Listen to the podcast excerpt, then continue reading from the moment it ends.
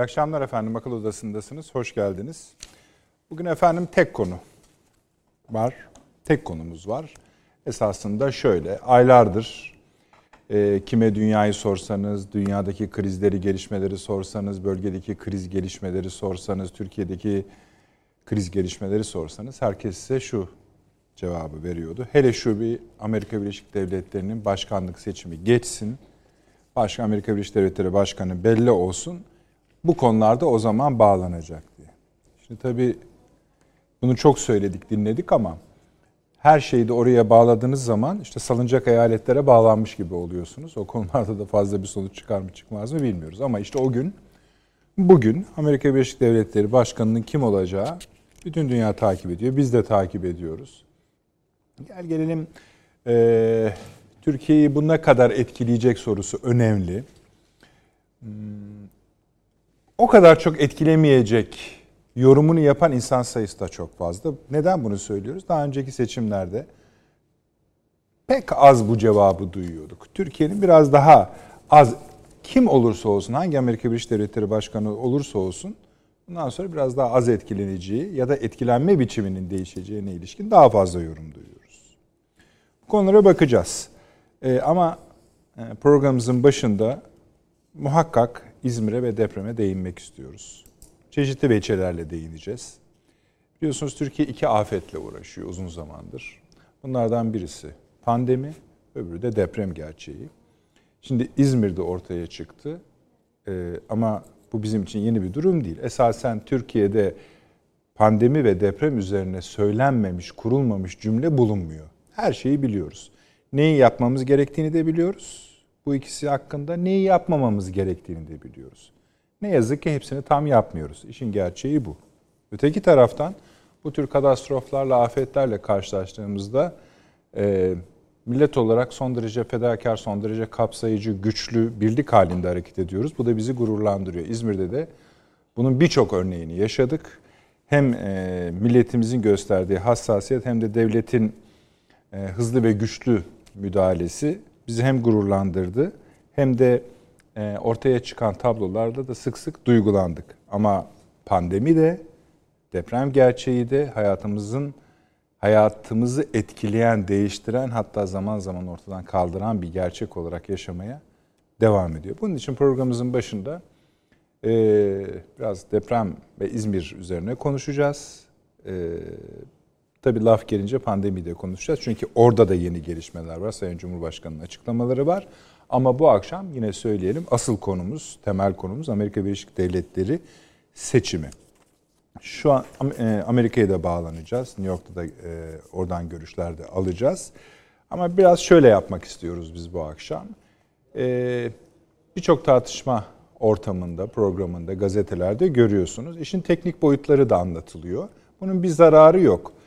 Ama e, biz de belki yine değiniriz. Asıl iş şu. Yani ikinci basamağı Türkiye bu işten ne kadar etkilenecek ve bu ne kadardan anladığımız nedir? Onun üstündeki de dünyanın yeni şartlarıyla yeni ABD başkanı arasında bir uyum olup olmayacağı asıl Türkiye'yi etkileyen, etkileyecek kısım da o. Çünkü Türkiye kendisini bu yeni dünya düzenine göre konumlandırmaya, şöyle söyleyelim hazırlamaya gayret ediyor. Biraz işi o tarafından bakacağız. Bu uzun bir konu efendim. Detaylı bir konu. Sadece Amerika Birleşik Devletleri ile biten bir konu değil. Onun için en iyisi yayınımız da bu akşam biraz daha uzundur. Bizden sonra da e, bu konu konuşulmaya devam edecek TV'nin e, ekranlarında. Onun için blok olarak e, bizde kalmanızı rica edebiliriz.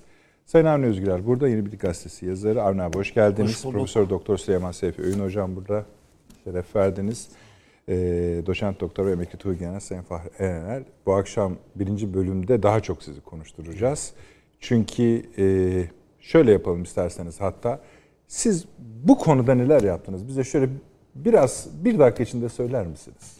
Yani e, İzmir. Evet, deprem, afet şu. E, tabii ben yani e, silahlı kuvvetlerden emekli olduğum tarihten itibaren burada tabii e, toplumumuzda önemli bir yere sahip olan e, Akut bünyesinde e, yaklaşık 11-12 yıldır e, bu tür çalışmalarda değişik kademelerde e, yer aldım. eğitimlerine iştirak ettim, denetlemelerde ve bu tür faaliyetlerde de yer aldım. Bununla ilgili makaleler yazdım, kitaplar, iki tane kitap e, çalışmasında bulunduk. E, bölümlerini yazdım e, ve dolayısıyla ve en önemlisi de AFAD'da aynı zamanda AKUT'un ilk e, sivil toplum kuruluşu olarak Birleşmiş Milletler'in İnsarak dediğimiz yapısının denetimine girdik. E, ve buradan da başarıyla çıktık. E, daha sonra AFAD da aldı. Şu anda AKUT e, e, arkasından Bulgaristan'da da bir denetleme geçirdi ve uluslararası bir kuruluş e, statüsü aldı. Ben biliyorum. Dahası evet. var bunun. Tabii. Ama bunu söylememin sebebi şurada. Şu. E, bilmiyorum Süleyman Hocam, Avni abi ne der ama isim vermeden de söz. Bu herkesin bu konuda konuşmasına ne yapacağız? Yani artık yani bir şey de söylemek istemiyorum ama herkes yani herkese Covid soruluyor ve Covid anlatıyorlar. Herkese depremde mücadelede işte bunu söylememizin sebebi bu. Biz ancak genel şeyler söylemeyeceğiz mi? O hakkımız yok mu? Gayet tabii var. Yani mesela depreme müdahalede bir yanlış olduysa biz gazeteci olarak bu görevimizdir. Ama ne yapılmalı? Ne yapılmalıydı? Ne yapılacak sorularının muhatabı biz olamayız ki. Yetkin değiliz. Ama herkes herkes konuşuyor. Buna bir hani bu o kanalların, o gazetelerin şunun bunun sorumluluğu Türkiye'de, olabilir. Türkiye'de yani herkes kendi işini avukata verip başkasının işini yapıyor yapar yani. Gelenek böyle. Ya abi deprem ama bu. Covid. Olsun, işte bu da Fark öyle. etmez diyorsun. Fark etmez. Yani. Onun için ben saydırdım. Yani, Sizden başlayalım. Şimdi akşam. mesela bununla da yetinmeyip ben aynı zamanda e, açık öğretimde de lisans okuyorum. Yani afet ve acil durum yönetimi üzerine.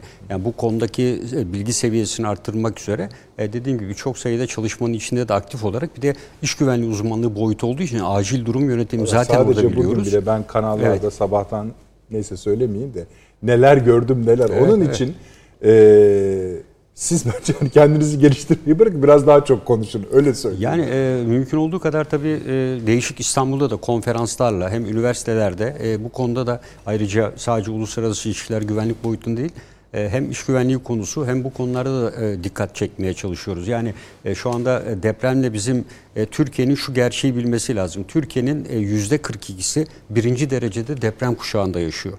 Nüfusumuzun da %75'i. E, dolayısıyla bu e, çok önemli e, rakamlar. Tabii bu ekonomik anlamda değil. Bakın sadece İzmit depreminin ekonomik anlamda 20 milyar dolar yaklaşık e, bir ekonomimize zarar verdiği ve bu dünya tarihinde meydana gelen afetler arasında ekonomik zarar itibariyle 6. sırada yer alıyor. Yani burada resmi kayıtlara göre 14.480 ama daha sonra hayatını kaybedenlerle bu sayının 35-40 bin olduğu da söyleniyor. Ama e, bizde genel e, çerçeve e, o gün cansız olarak çıkarılan e, vatandaşlarımızın sayıları genelde yazılır.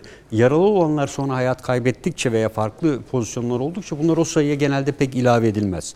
E, bu yüzden e, İzmit Gölcük depreminin ya daha doğrusu Marmara Kayıplar depreminin Kayıplar dahil oluyor tabii, mu? Kayıplar Hocam, da dahil değil. İyi. Mesela o tarihten itibaren e, bununla ilgili çok ciddi videolar var. Yani bütün aramalara rağmen e, bulunamayan e, kayıplar var e, o gün içinde. Nereye gittiği veya defnedildi mi bir yere e, onlar da bilinmiyor. E, dolayısıyla bunun e, tabii o süreçten e, bir de ben e, şunu hep istedim. 17 e, Ağustos depremi sırasında enkaz çalışmalarında olan kişilerin görüntüleriyle Marmara depreminde olan şey buradaki İzmir depremi, İzmir depreminin görüntülerine baktığınızda daha organize baretiyle, eldiveniyle, kaskıyla, kıyafetiyle o zaman ben 4-5 enkaza baktım. E, bu video görüntüleri de var. Sadece iki kişi de onlar da itfaiyeciler başlarında baret var. Diğer hiç kimsenin üzerine ne kıyafet var. Herkes buldukları bir eldiven e, herhangi bir şeyle enkazı adeta elleriyle e, kazarak bu işi yapıyorlar. Bunda tabii büyük gelişme var ama afeti genel olarak baktığımızda afetin iki temel çizgisi var. Yani bir tarafı risk yönetimi, bir tarafı kriz veya afet yönetimidir. Biz gerçekten bu ikinci bölümde müdahale kapasitesi olarak iyi bir seviyeye geldik. Yani e, ikinci bölüm neden oluşuyor? Müdahale ve iyileştirme. İşte şu anda e, hükümet tarafından söylenen konteyner konutların yapılması, elektrik altyapı iyileştirme sürecidir. Psikolojik desteğin verilmesi, yerel hastanelerin, çadır kentlerin kurulması.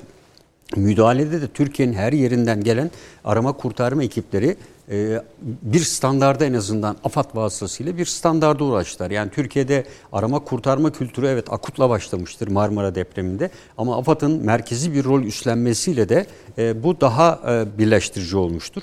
Eksiğimiz yerel e, kapasitelerin yani belediye kapasitelerinin itfaiyeler dışında daha da geliştirilmesidir. Çünkü dünyada genel bir söylem vardır. Afetler yereldir. Her yerelin ayrı bir afet özelliği vardır. Yani e, Gümüşhane'ye giderseniz çığ e, ön plandadır. E, ama İzmir'e geldiğinizde işte hiç ummadığımız anca sığacaktık gibi bir tsunami. Ama İzmir'in tarihine baktınız 1788-1500'lü yıllarda çıkan depremlerin hepsinde tsunami olmuş. Yani hepsinde bu var. Yani bu da e, İzmir'in bir gerçeği. Esasında bu konuda 9 Eylül Üniversitesi'nin deprem araştırma merkezi ve çok e, bünyede yapılan çalışmalar var. E, şu anki belediye başkanı da biz bununla ilgili bir proje hazırlamıştık. E, kendisine de sunulmak üzere ki bu deprem meydana geldi. E, bu ihtiyacın olduğu her taraf biliniyor. Biraz bu işleri çok hızlandırmak gerekiyor. Benim burada tabii birçok şey yapılmalı ama iki temel önerim var. Bu gördüğümüz ilk yardım ekip, arama kurtarma ekiplerini olası bir İstanbul depreminde bu kadar yoğunlukta göremeyeceğiz. E, görmemiz mümkün değil. Çünkü çok geniş bir coğrafya ve öncelikler çok farklı olacak. Öncelikler kamu kurumlarında, kamu kurumlarının işlerliğinde olacak. Evlere sıra belki de sonra gelecek. Yani İstanbul'da 14 bin, 20 bin gibi değişik tahminlerde ev yıkılışından söz ediyor. Bunlar ağır hasarlı olan binalar hariç hafriyatların yere dökülmesiyle acil ulaşım yolları ki şu anda e, İstanbul'u kontrol eden herhalde %90'ını araçlar park etmiştir. Orada e, araç park etme yasağı olmasına rağmen bunu İzmir'de de gördük. Acil ulaşım yolları tıkandığı için ambulanslar, itfaiye ve arama kurtarma ekipleri olay yerine geç ulaştılar.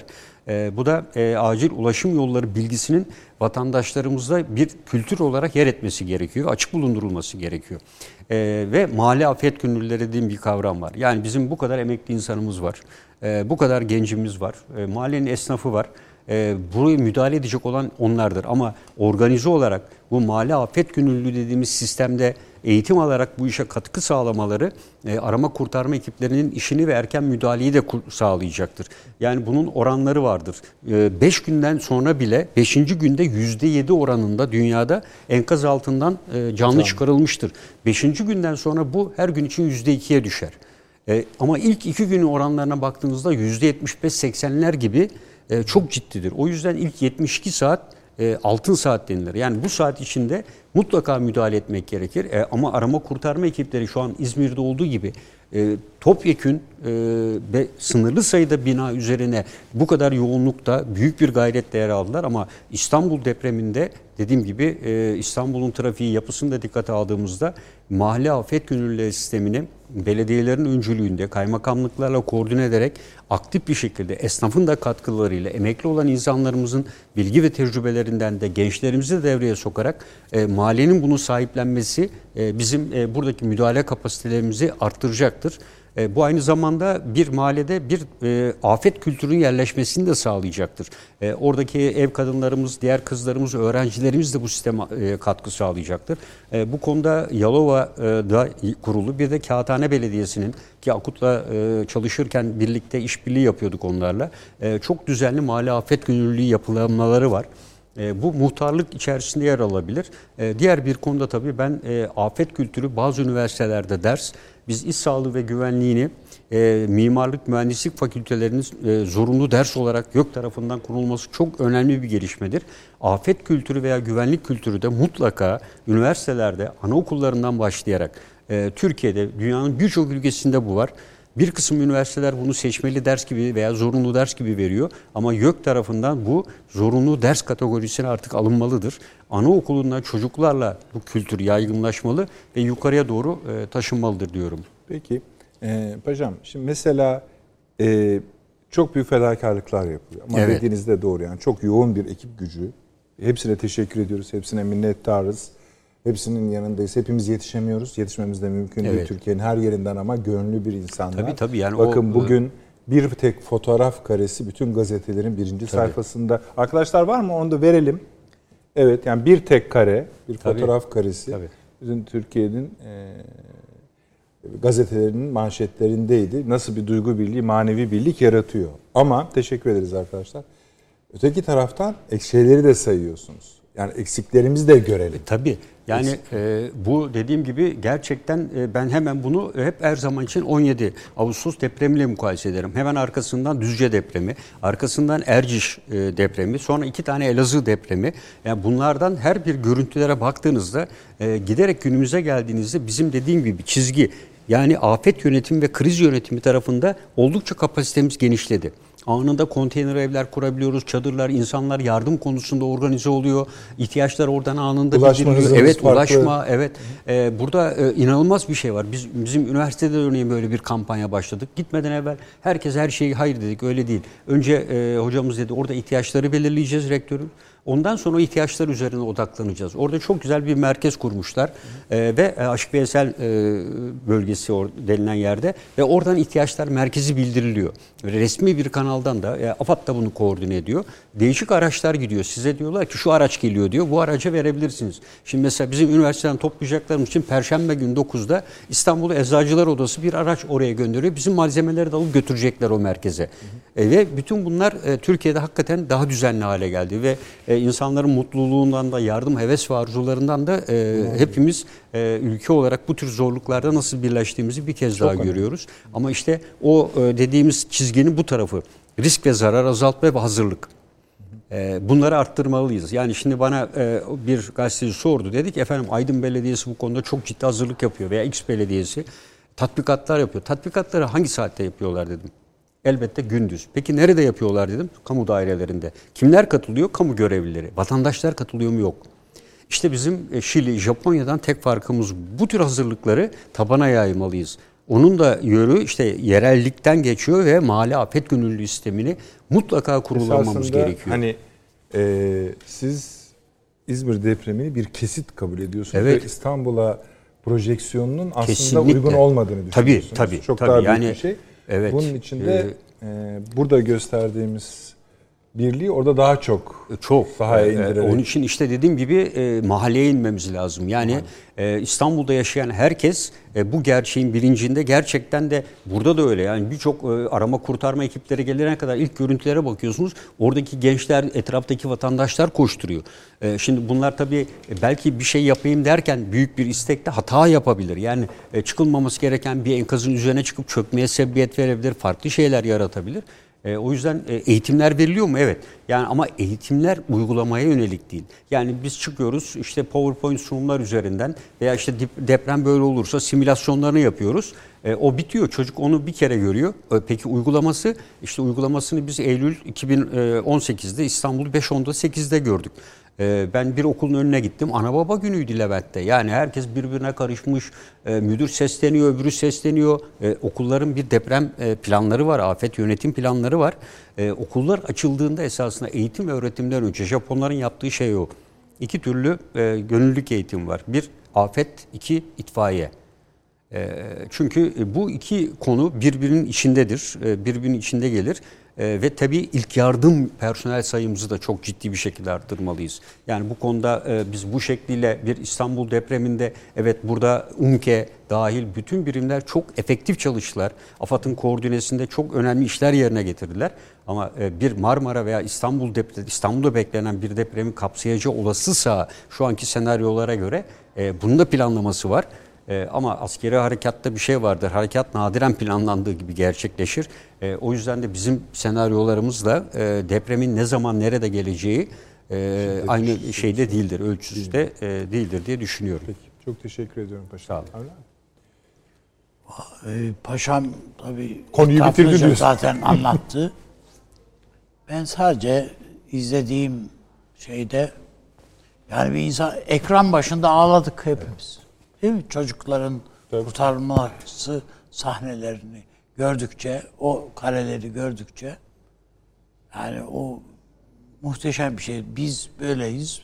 E, Cumhurbaşkanı da öyle. Yani yayınladığı mesajlar falan e, anladığımız kadarıyla öyle. Hepsi, herkes öyle. Ama şu var, günde 70 kişi, 75 kişi biz pandemiden kaybediyoruz her gün. Bir tarafta da. Yani diyorsunuz ki maske takacaksın, so- sosyal mesafeni koruyacaksın ve elini yıkacaksın yani veya hijyen. Ne dikkat edeceksin. Yoksa ölürsün diyorsun. Ama takmıyor adam. Öyle. Ben yani işe giderken sabah Boğaz'dan geliyorum. Ee, yani herkes boğaz şey çenesine indirmiş maskeyi filan yani öyle bir durum var ortada. Yani kendi hayatını önemsemeyen insanın bakıyorsun akşamleyin bu deprem sahnelerini görer, gör, seyrederken veya gün içinde seyrederken ağlıyor. Çok duygusal. Doğru yani duygulanmadığımız, onları sahte gördüğüm anlamında değil. Ama böyle bir şeyimiz var bizim. Ruh hali içerisindeyiz. Bu doğru bir şey değil. Şuna katılıyorum. Yani enkazın üzerinde bir insan yığını var tabiatıyla. Evet. Ee, kimin yani orada bir yöneticinin olması lazım. Olay yeri yöneticisinin olması lazım. Değil Vardır yani? mutlaka Bir, da. mesela poliste falan öyledir değil mi? Yani e, bir olay yeri yönetimi vardır. Orada bir kişinin, bir amirin sen sen sen sen demesiyle iş öylece şeye girer. E, Herkes çocuklarla tabii belki biz de ben de olsam belki çocukla fotoğraf çektireyim o Ayda ile veya o Elif bebekle falan.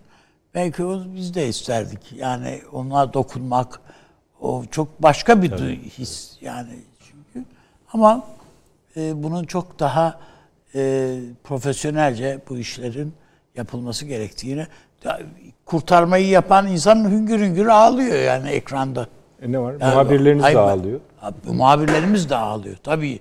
Çünkü bizim genç çocuklarımız da oradan gazeteciler e, naklen yayın yaparlar falan. Sabahlara kadar oradalar. Yani hiç, hiçbirisinin emeği... bugün başka ayrı bir tartışma başladı da ilk önce haberleri yapın sonra ağlarsınız diye bir başka Yok tartışma öyle, paylaştı. öyle değil. Siz Yani ne diyorsunuz insan, bu insan, konuda?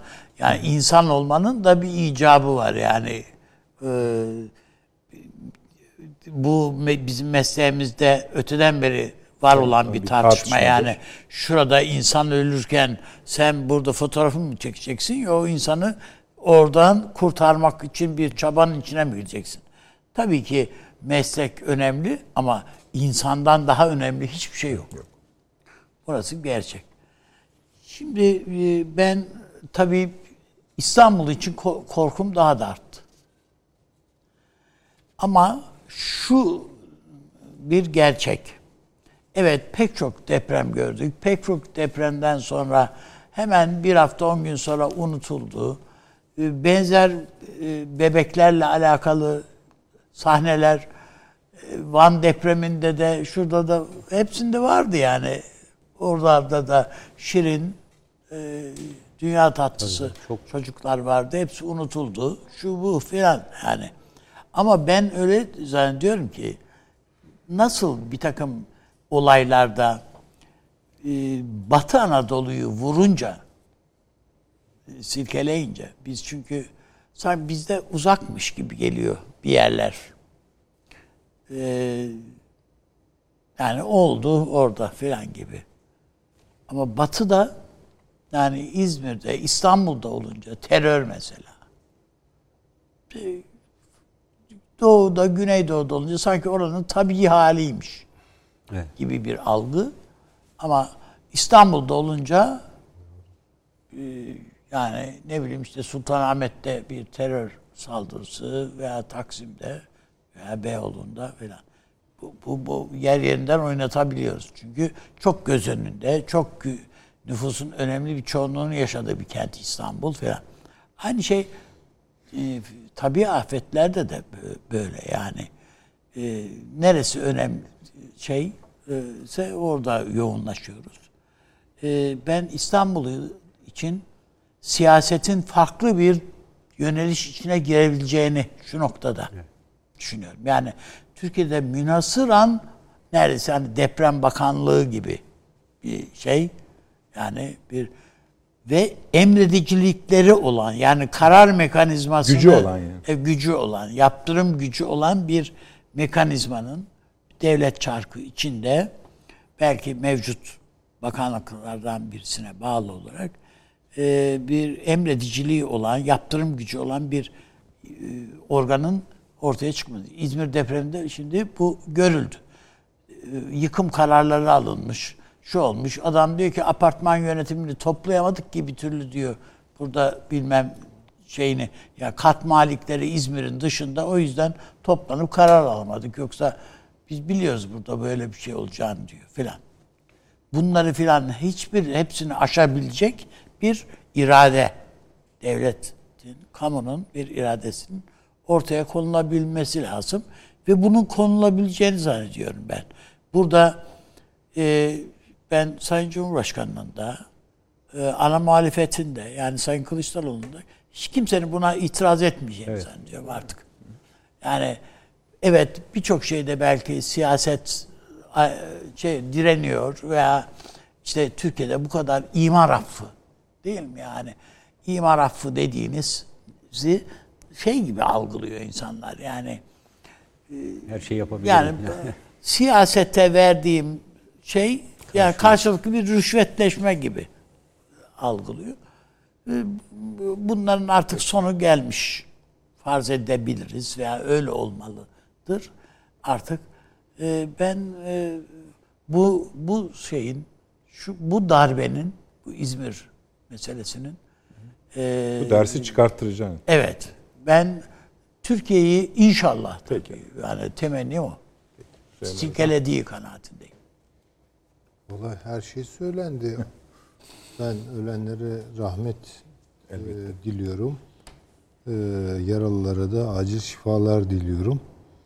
E, Avni Bey Üstadımı dinlerken aklıma 99 depremi günleri geldi. E, çok haklı olarak dile getirdiği mesele o zaman da söylendi ve hiç unutmuyorum. Türkiye artık eski Türkiye olmayacak. Lafı Evet. ederiz biz zaman zaman. Ya, ama üzerinden 20 sene geçti. Evet bazı şeyler Türkiye'de değişti. Daha sağlam binalar yapabiliyoruz. Daha sıkı bir denetim var. Ama o 99 depreminin acıları, orada yaşananları bir fırsata dönüştürmek de mümkündü. Dünyanın en çirkin şehirlerinde yaşıyoruz. Yani uydurmayalım. El birliğiyle çirkinleştirdiğimiz, yaşanmaz hale getirdiğimiz, jungle'laştırdığımız şehirlerde yaşıyoruz. Bu değişebilirdi. Ama bu değişmedi. Yani maalesef bu devam ediyor. Hala işte kat malikleri toplansın da karar alınsın da bilmem müteahhitle anlaşılsın da yani böyle uzatmalara götüren maçı uzatmalara götüren düzenlemelerin ağına takılmış vaziyetteyiz. Dilerim, umut ederim bu şuuru yeniden gözden geçirmeyi sağlar ve Türkiye bu konuda tamamen katılıyorum üstadıma. Adam gibi şehir planlamacılarıyla, adam gibi mimarlarla, mühendislerle oturulur. Bu işe makro düzeyde bakılır. Çünkü mesela binaları yeniliyorsunuz. Diyelim ki daha sağlam binalar. Estetik olarak da evlere şenlik de. Neyse yani. Ama sokaklar aynı kalıyor. Yani işte oradan trafik geçmiyor. Yani dolayısıyla ne yapılacak yani nasıl bir düzenleme yapılacak? Bu hakikaten bir şehircilik vizyonu. Benim gördüğüm Türkiye'de en eksik şeylerden biri bir şehircilik vizyonumuzun maalesef olmayışıdır. İnşallah düzelir. Ve bu tabii aslında şunu hissediyorum tonunuzda. Şimdiye olsaydı iyiydi. E, Geç kaldık yani. Geç kaldı, işte yani söylüyorsun. 15 bin kişi ölüyor, kimilerine göre 30 bin kişi ölüyor. Bu konuda bir adım atılmıyorsa biraz durmak lazım. Peki. Evet efendim. Durum bu. Tekrardan hayatını kaybeden vatandaşlarımıza rahmet diliyoruz, yakınlarına sabır diliyoruz. Burada çalışan herkese, herkese, herkese tekrar tekrar teşekkür ediyoruz emekleri için. Ee, ve biz de Bu yani çocukların kurtarılması hadisesinde en son Ayda bebek diye kızımız kurtuldu. E, Bir annenin ne kadar fedakarlık yapabileceğinin ölçüsünü de orada sınırında gördük. Annesinin bacaklarının arasında An- anne üstüne kapaklanmış. Anne hayatını kaybetti. Yani çok bana göre muhteşem bir şey yani. Evet. Ee, insan kendi canını ancak böyle rahmet eylesin. feda E, öyle. edebilir. Öyle. Çok önemli bir şey. Evet, e, bu seçimin sonuçlarının geç belli olacağı bir konuşma, yani bir söylence ama aynı zamanda karakolda biteceği de ayrı bir söylence. Bu e, bir önceki seçimlerde yapıldı ama burada herkes bunu söylüyor. Amerikalılar da bunu söylüyor vesaire bir şey. Şimdi teknik boyutuyla ilgili fazla bir şey söyleyecek durumda değiliz. Yani belki işte bu mektuplar tek tek açılacak, o sayılacak vesaire tamam güzel ama aynı zamanda sandık başındaki e, işler daha kolay bitecek demek bu bir yandan da. Çünkü büyük kısmı zaten Mektup- bu şekilde halletmiş işini. Öteki taraftan e, her yerde şu anda bile e, hukuki itirazlar geliyor. Sürekli mahkemelere itirazlar geliyor. Sayıları yüzlerceye ulaşmış durumda. Bunların tamamı Amerikan, yani bu, bu konuda da yorum yapabiliriz elbette ama Amerikan iç seçim dinamiğinin problemleri, siyasi dinamiğinin problemleri. Şimdi biz, bizim için önemli olan ne? Bir, hangisinin seçileceği bizim için gerçekten önemli mi? İki, hangi seçilirse seçilsin Türkiye ile ilişkilerini nasıl düzenleyeceğini düşünüyoruz. Üç, bu seçime özel bir durum söz konusu mu? Şundan soruyorum. Yeni dünya düzeninin ne ilişkin bu masada çok konuşma yaptı. Bu Amerikan başkanını ne kadar bağlar? Bu Amerika-Türkiye ilişkilerini yeni başkan üzerinden nasıl tarif eder? Ee, yoksa ilk defa Türkiye biraz daha mı rahat Amerikan başkanına bakarken? Evet bizim gibi dünyada izliyor kimin olacağını ve herkesin de ona göre bazı hesapları, kitapları var. O da doğru. İşte biliyoruz Kuzey Kore'nin derdi ayrı, Rusya'nın derdi ayrı vesaire. Mesela e, New York Times'ta çıkan bir yazıda diyordu ki e, Ruslar playbookları çıkarmaya başladı. Yani onların kastettiği şey şu Biden'ın öyküsünü başkan yardımcısı olduğu dönemde aldığı kararları, politika yapma biçimini tekrar gözden geçiriyorlar. Onlar da öyle tahmin ediyor diye. Ama biliyoruz ki gönülleri Biden'da değil. Mesela bir- birçok bunu bütün ülkeleri ayrı ayrı konulardan Afrika ayrı, Libya ayrı vesaire yapabiliriz. Türkiye'nin de bir beklentisi muhakkak vardır. Yani Türk Dışişleri Bakanlığı, Ulusal Güvenlik Kurum kuruluşları da kendi kafalarından acaba şu olsa daha mı iyi olur diye hesap kitap yapıyorlardır. Bunların ve bu e, cümlelerin hepsinin açılımları birçok şey akla getiriyor. Bunları konuşmaya gayret edelim. Arzu ederseniz. Avni abi buyurunuz. Bir giriş yapalım. Yani Titanic yola çıkarken o, o- Hiç batmayacak yani bu. batmayacak bir şey diye. Ve o kadar inanılmıştı ki yani son anında bile orkestra niye ara veriyor filan gibi. Hala çalmaya şeyler, devam Değil ediyor. mi? Hala çalmaya devam ediyor. Ünlü filmde öyle. Ben batıyor demeyeyim Amerika için yani öyle değil ama çok ciddi bir çözülme yaşıyor. Uzunca bir süredir yani bu e, evet bu soğuk savaş bitti, kazandık biz, zafer narası falan diyordular. Ama Amerika'nın birçok şeyi o sırada çözülmekte olduğu yani bu hani e, sütün içine bir damla sirke damlatmak gibi bir şey bu. Çözülüyor. Tıpkı bunun gibi Amerika Birleşik Devletleri. Sosyal yapısı böyle. Yani zenci, beyaz, şu bu filan hepsinde bakarız. Hukuk yapısı böyle. İşte yüksek mahkemenin başına ya oraya getirdiği, tayin ettiği hanımı e, geçen programlarda hocam anlattıydı.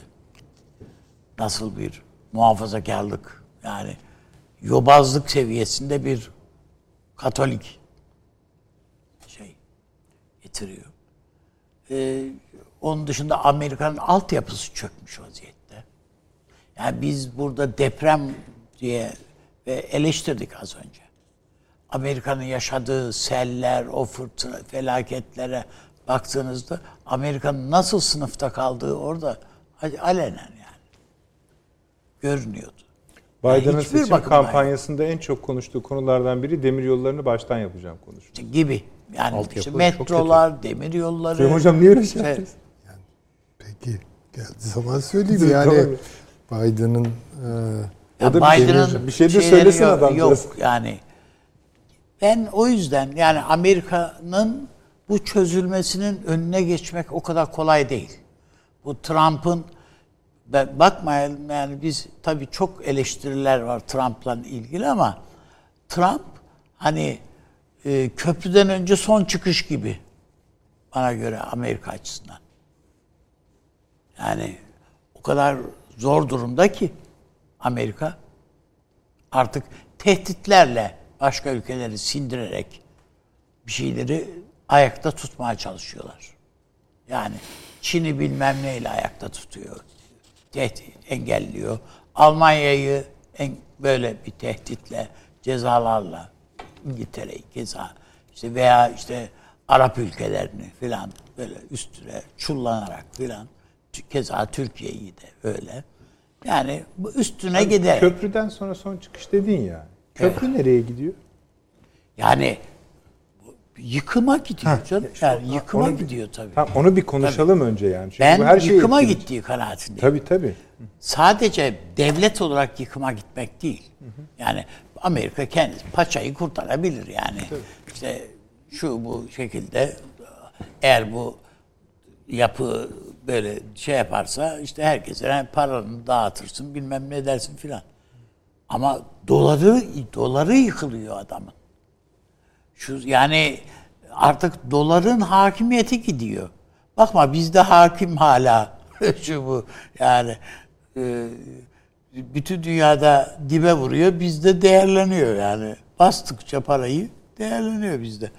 Ama bakıldığında ben e, o bakımdan hayati bir seçim Amerika için bu.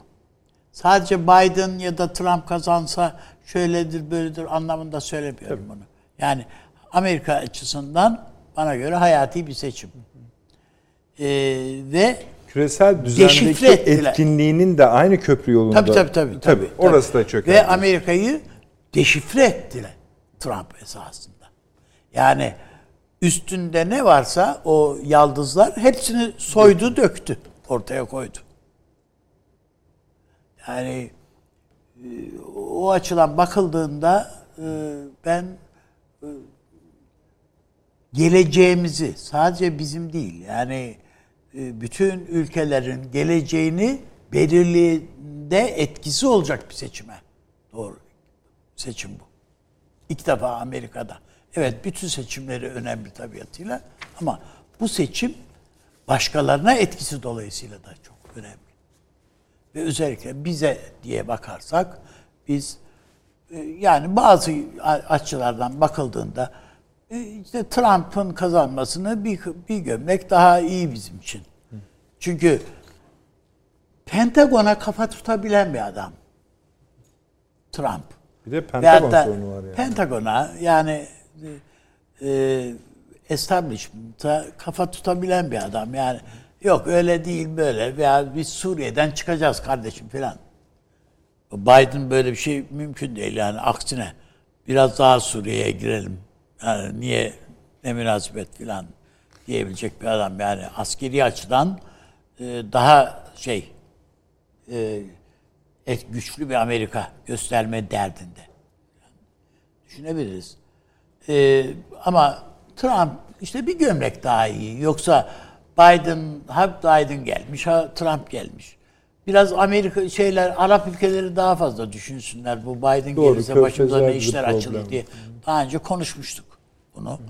Yani e, adam çünkü basbaya yani e, Obama siyasetinin e, tablosuna baktığımızda Mısır'ın, İsrail'in ve gerçi İsrail'e şey yapmayı cesaret edemez herhalde ama bu Körfez ülkeleri ve Birleşik Arap Emirlikleri falan yani bütün bunların hepsini silkeleyebilir yani veya adamlar bunları susturmak için da veya çö- bunları yerle bir etmek için daha böyle radikal adımlar atabilir. İran'la ilişkileri daha farklılaşabilir falan. Ama dediğim gibi yani çok fazla fark etmez. Çözülmeyi de engelleyemez yani. Tamam işte biraz şöyle Amerikan sınırında kalıp şu çözülmeyi bir netleştirelim. Evet. Hiç konuşmadığımız şeyler değil ama bu sefer daha çok. Çünkü Evet. bakıyorsunuz Amerika'daki yayınlara aynen sizin kurduğunuz cümleyi kuruyorlar. Diyorlar ki bu Amerikan tarihindeki en önemli seçim. En kritik seçim. Niye öyle? İşte bu belki sizin bahsettiğiniz çözülme sürecinin bir aşaması olarak onlar da görüyorlar. Yani, Yani- bir yandan Trump'ı eleştiriyorlar. Demokrasiyi mahvetti şu bu falan ama yani asıl problem bu çözülmenin bir işte bu e, çatal yola gelmiş olması. Ya düşünebiliyor musun? Yani bir e, şey e, Covid-19 bir salgın Amerika'yı yerle bir etti yani esasında. Bir gerçek boyutuyla ne kadar yansıyor, yansıtılıyor onda haberim yok ama Amerika Bu de sadece değil. tabii Amerika sadece Çin karşısında bu e, 5G teknolojisi ile ilgili bir gerilemenin içinde değil yani oradan yumruk yemedi sadece. Adam yani e, ilaç şirketleri bile acaba dışarıya hisseleri satsak da paraları oraya ya orada taşısak kın derdindeler yani bu e, aşıyı bulup aşı için mesela önemli bir şey bu Türkiye için keşke biz aşıyı bulsak ve piyasaya çıkarsak bir Türkiye için çok ciddi bir ekonomik kazanç bu. Amerika da kazanç şeyini buna bağladı. Aşıyı bulmaya bağladı durumunu. Amerika'nın böyle bir şeyi durumda muhtaç duruma gelmesi filan hiç bunlar dünün dünyasında düşünemeyeceğimiz şeyler. Türkiye'nin üstüne çullanıyor efendim S-400'ler ne yapıyorsun ne ediyorsun diye. Trump buna ancak diyebiliyordu. Kardeşim adamlar istedi bizden füzeler vermedik. İşte kendileri gittiler aldılar diyordu. Biden böyle diyecek mi? Bu Amerikan elçiliğinin ilaçlar konusundaki e, şu borçlarınız meselesini Ha, ödeyin filan, tabii. Onun sebebini gerçek. anlıyoruz ki bu Çin'den aşı alma vesaire. Tabii tabii tabii. tabii. Yani Hepsi bir. Yani Türkiye ile televizyonlarda filanca böyle marka şey. cep telefonunu satın almayın diye Türkiye'ye telkinde bulunuyor Dışişleri Bakanı. Amerikan. Ya alsa Türkiye kaç tane alacak? Senin ne kadarını, senin ne kadar açığını kapatır. Ama bunu söyleyebilecek kadar artık ve siz e, yani be- benim yaşımda insan hatırlar onu e, belki. E, Bush Türkiye'ye e, yüklendiğinde e, Özal rahmetli başbakandı. Ben o zaman Kültür Bakanlığı'nda danışmandım. Amerikan Büyükelçiliğinde bir basın toplantısı yaptı ve derhal sinema kanunu çıkarın dedi. Telif hakları. Biz de çıkardık. Yani alıyorsunuz filmleri yayın yayınlıyorsunuz kardeşim. Bu Hollywood'un paraları ne olacak dedi. Ödemiyorsunuz bunları. Televizyonlarınız filan hemen alıyor şakır şakır yayınlıyorlar. Bunu Amerikan başkanı söylüyor ya. Adam kendi ülkesinin malını korumak için e, Türkiye'ye geliyor ve Hollywood için bas ve biz 48 saatin içerisinde sinema kanunu çıktı. Telif Türkiye'de. kanunu. Telif evet. Ve telif hakları sadece ondan dolayı değil biliyorsunuz.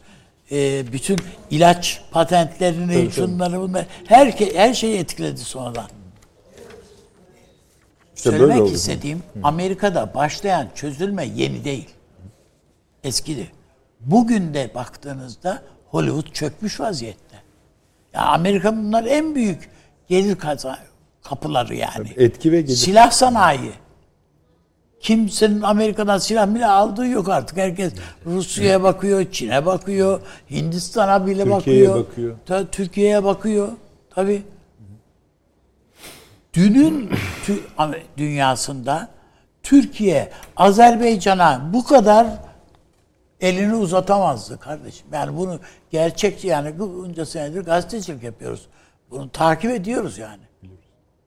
Yani bu Amerika'dan Türkiye'nin artık çok da fazla tırsmadığını gösteriyor. Dünün dünyasında biz Libya'ya böyle bu Vaziyette kadar de- vaziyete demezdik yani. Acaba patron ne diyecek filan havalarında. öyle öyle. Keza Suriye ve Irak meselelerinde filan. Bütün bunlara baktığımızda biz böyle, bir tek biz böyle değiliz. Birçok bazı ülkeler yapabiliyorlar Türkiye gibi. Mesela yapabiliyoruz biz. Ama bazıları yapmasa bile diş gıcırdatıyor ya. Almanya filan. Şu bir düşse de yani İşimize bak. işimize baksak diye. İngiltere öyle. O Fransa'nın bütün güvendiği şeylere kar yağdı yani şu anda. Adam bekliyor ki Biden kazansa da bilmem ne etsem falan diye.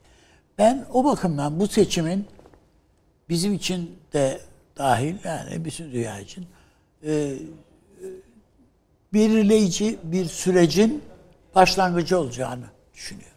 Peki eee, ben size çok sordum haftalardır. Kim başkan, kim başkan, kim başkan? Trump genellikle bu masada hakim oldu. Hala aynı düşüncede misiniz? Artık değiştiremezsiniz de. Yo yo Trump'ın kazanacağını düşünüyorum. Sanıyorum. Ha bu tersi olmaz mı? Olabilir. Olur. Peki Yani ama bu e, ya bu iş birincisi artık belli. Karakolda bitecek. O çok açık.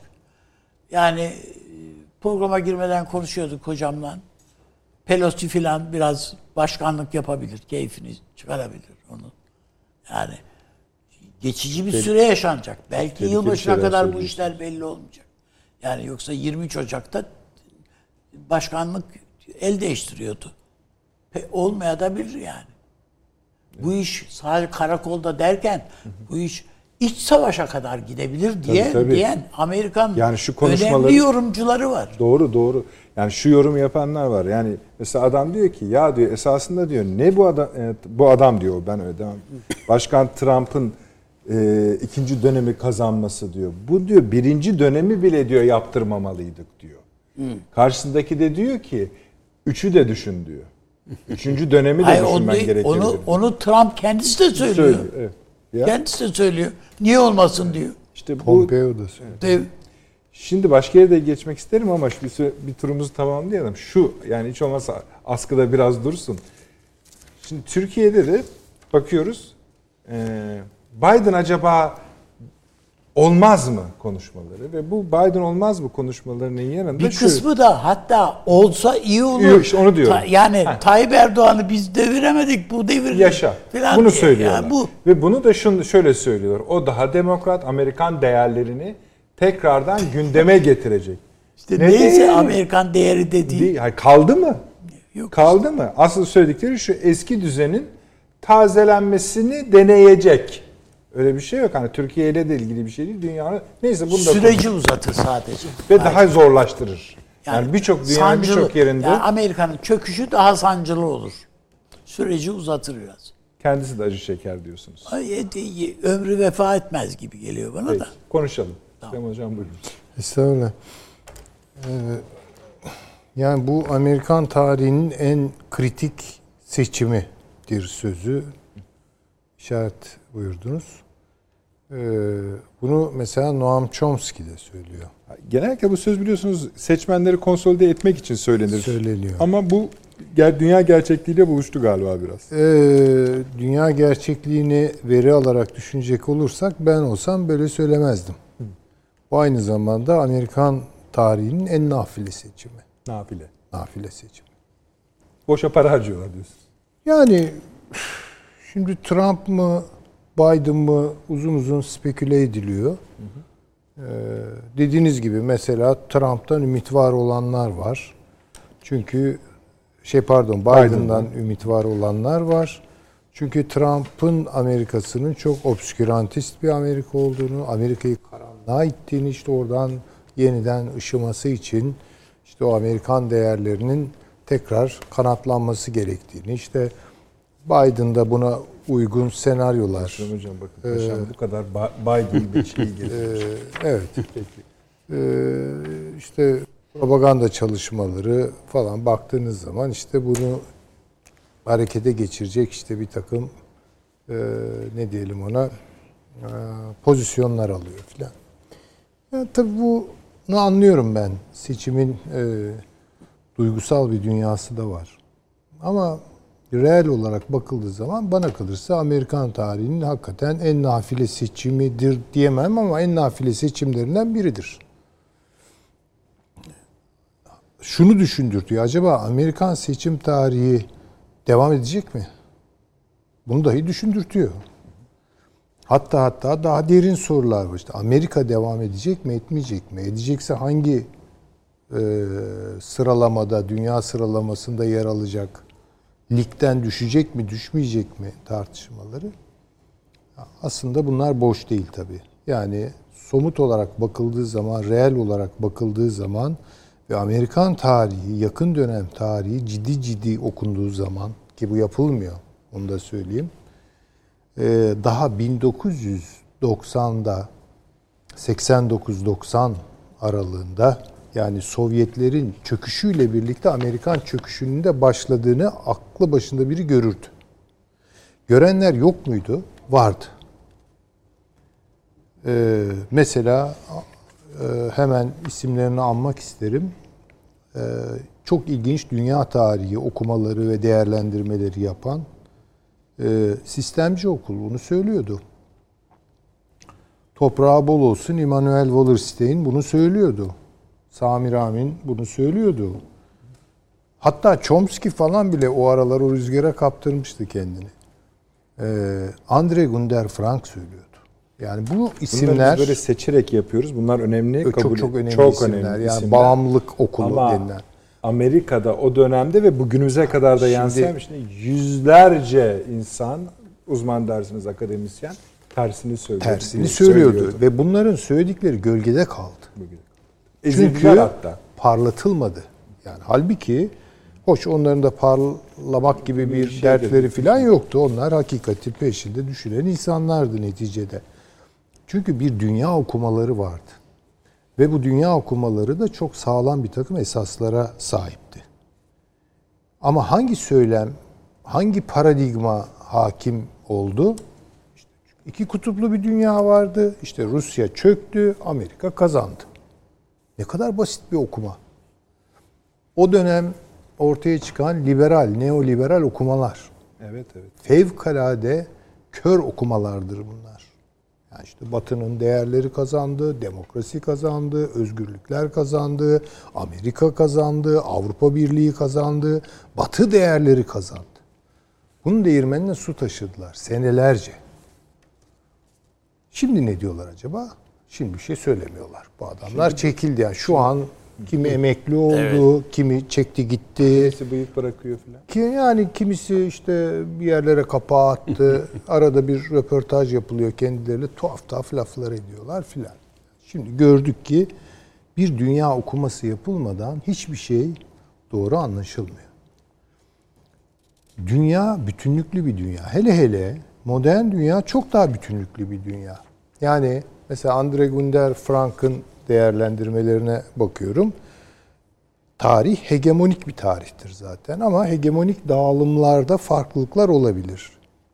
Bunlar aynı zamanda yer değiştirir. Yani bir dönem hegemonik bir güç yarın e, o değerini kaybedebilir. Dolayısıyla geçişler var yani. Bir hegemonik yapılanmadan bir başka hegemonik yapılanmaya geçişler var.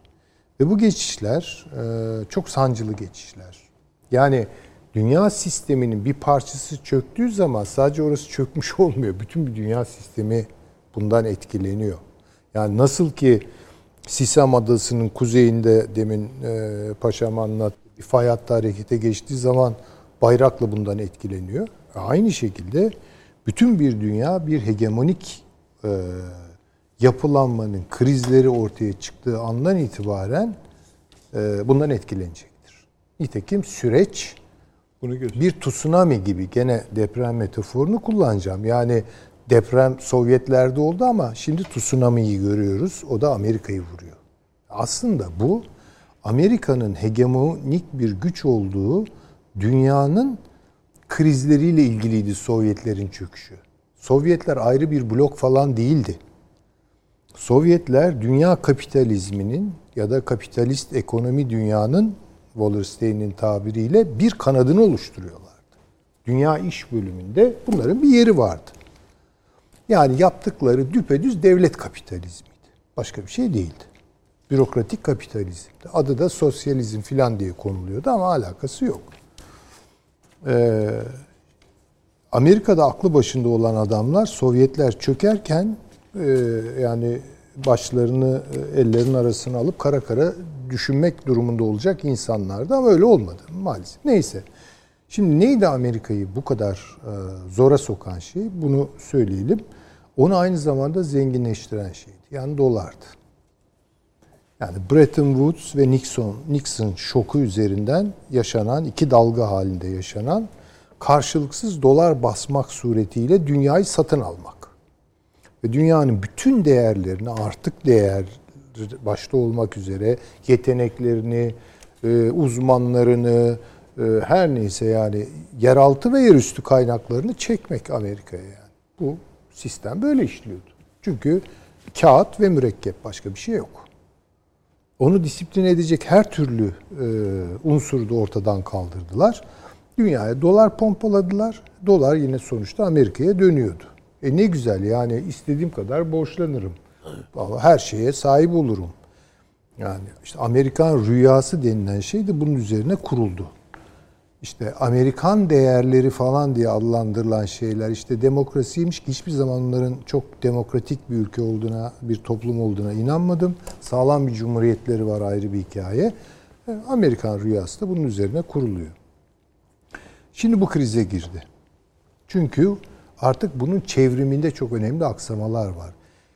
Ee, ikinci bir şey oldu. Amerikan e, üretimi, Amerikan tarzı üretim iki büyük dalga olarak yaşanmıştır. Biri 1830'lardan başlayıp işte 1914'e kadar giden müthiş bir süreçtir. İşte o patentler, Tesla'lar, Edison'lar, şunlar, bunlar filan hakikaten muazzam bir üretim gücü olmuştur. Ama işin ilginç tarafı orada dolar dünya rezerv parası değildir. Amerika'nın altına bağlı Tabii. parasıdır. Altın karşılığı banknottur o. Yani öyle bir şeydir. İkinci aşama ise İkinci Dünya Savaşı'ndan sonra başladı. 1970'lere kadar filan sürdü. 70'lerden sonra zaten Amerika patinaj yapmaya başladı. Bunlar anlaşılmadı, görülmedi. Çünkü işte Hollywood filmleri, Amerikan hayatı, işte Amerikan yok, rüyası. İyi konusunda tabii tabii çok çok yok. iyi bir şey. Bunu iyi başarıyorlar yani teslim etmek lazım. E, çünkü bu e, disiplinsiz para rejiminin sonuçta çevrimleri aksadığı zaman e, çok ağır krizler yaşanır. Bu belli. Bir de tabii sonuçta öyle bir şişme ki bu, öyle bir fazlalaşma ki e, borsayı da şişiriyor, bono piyasasını da şişiriyor. Şişirmediği hiçbir şey yok yani. E, bunun getirdiği bir şok. Yani kendi kurdukları tuzağa kendileri düşüyorlar. Yani onları zengin kılan şey bugün onları bu hale getirdi. Bunu görmek lazım. Son olarak şunu söyleyeyim. E, başka bir şey daha var. Amerikan nüfusu e, üretimden koptu. Niye üretimden koptu? Çünkü tüketim e, değerleri üretim değerlerinin üstüne geçti. Nasıl oldu bu? İşte o şişirilmiş karşılıksız dolarlarla herkesi borçlandırmak, herkesi bir şey sahibi haline getirivermek. Bunun yarattığı bir illüzyon. Yani. Tabi bu da işte mortgage krizinde büyük bir şok olarak geri döndü. Bunu da biliyoruz. O işte e, güzel evler, akıllı evler, tatlı evler, home'lar, sweet home'lar filan bu içi boş bir şey yani. Ve tüketim. Ve hizmetler sektörünün alabildiğine şişmesi. Üretici e, dinamizmini kaybetti Amerikan toplumu. İkinci olarak Amerikan toplumu e, teknolojik üstünlüğünü de kabul etti, kaybetti. Yani Japonya bir denemeydi. Onlara bir teknoloji ihracatı yapmıştı. E, fakat çevrimini alıyordu Amerika. Çin'de bu oyun bozuldu. Güney Kore'de ve Çin'de bu oyun bozuldu. Yani üretim nereye gider? Onu bir söyleyelim. Üretim en ucuz olduğu yere gider. Maliyetlerinin en ucuz olduğu yere gider. Bu da başta iş gücü meselesidir. İşte onun için Çin'e gitti. Amerika'yı terk ettiler.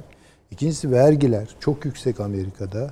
Ondan kaçtı. Yani Amerika'da Amerika'yı var eden ekonomik dinamizm Amerika'yı rantabil bulmuyor artık ve terk ediyor.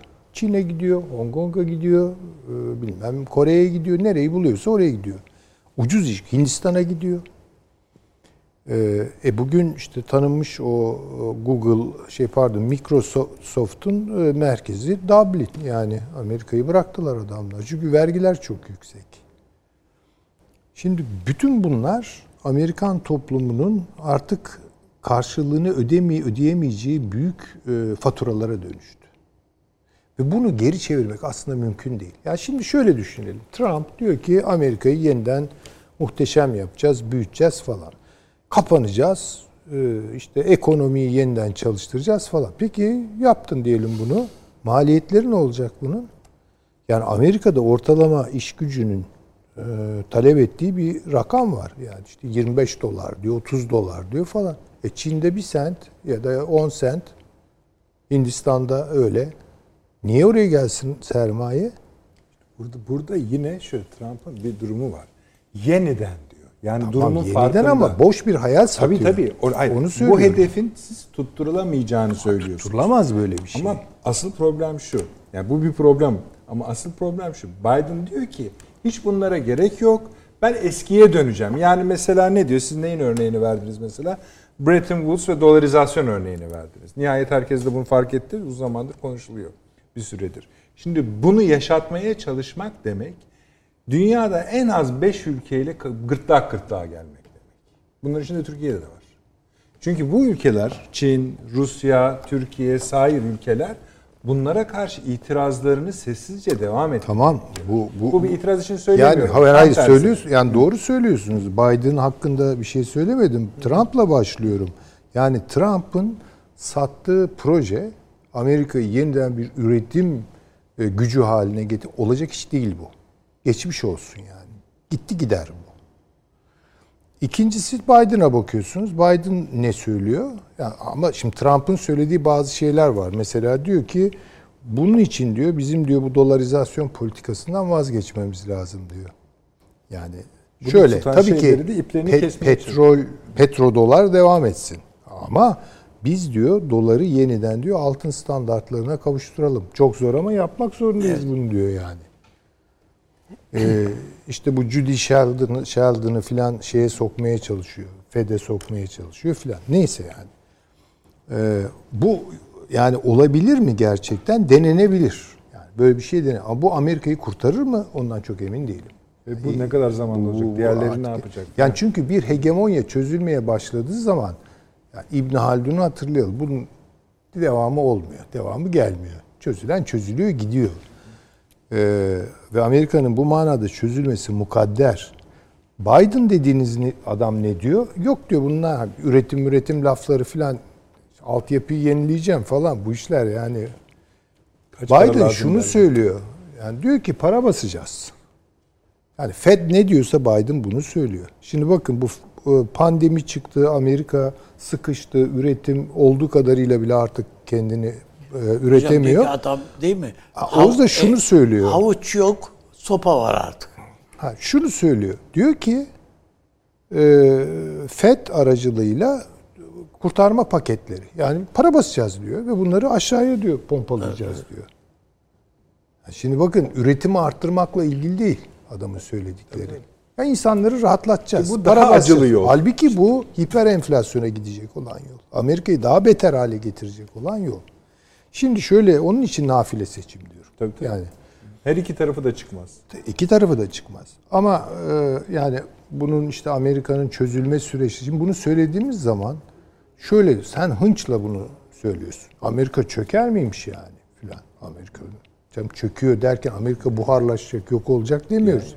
Ama Rusya lig- kadar. Rusya'yı oldu mu? Yok Evet, oldu mu? Süper Lig'den düşecek. Ya da Süper Lig'de en fazla işte hani böyle takımlar Süper Lig'de vardır. oynayacak. Ha oynaya o, muhakkak Ha, canım tamam, bu. oynamaya devam edecek ama, Ama yani hep- hep birinci olamayacak Ay, yani. Öyle bir şey olmayacak işte artık. Dediğim dedik bir Ve sık sık takım da diğer takımlar tarafından olmayacak. yenilecek. yenilecek. e, Biden'ın önerdiği bir şey daha var. Ya bu Avrupa Birliği ile Amerika'nın güçlerini yeniden bir araya getirirsek bu bir toparlanma fırsatı olur mu? Ya da Çin'in artık büyümesi mukadder, yeni hegemonyayı tanımlaması mukadder. Burada güçlerimizi birleştirirsek daha fazla pay elde edebilir miyiz? Bu kadar. Başka bir şey yok yani. Ki kendisine eklemeye çalıştığı Avrupa Birliği de kendisi kadar çürük. Ya işte tabii birlikte çünkü Bu da ayrı kaybediyorlar konu. yani. Birlikte kaybediyorlar. Birlikte kaybediyorlar. Yani hegemonik yapılar çözülürken bunun kazananı yani o yapıdaki avantajlı olanları kastediyorum. Avrupa olur, bilmem başka bir yer. Japonya olur. Japonya ne halde biliyor muyuz? Ekonomisi berbat. Güney Kore zor ayakta duruyor. Şimdi bunları biz tabii takip etmiyoruz yani. Şu an Japonya kıpırdayacak halde değil. Atacağı ilk adım hiper enflasyonla bitecek. Çok açık. Şimdi şu şeyi de söyleyeyim de ondan sonra çok uzatmayayım lafı. Paşamın da e, değerlendirmelerini dinlemek istiyorum.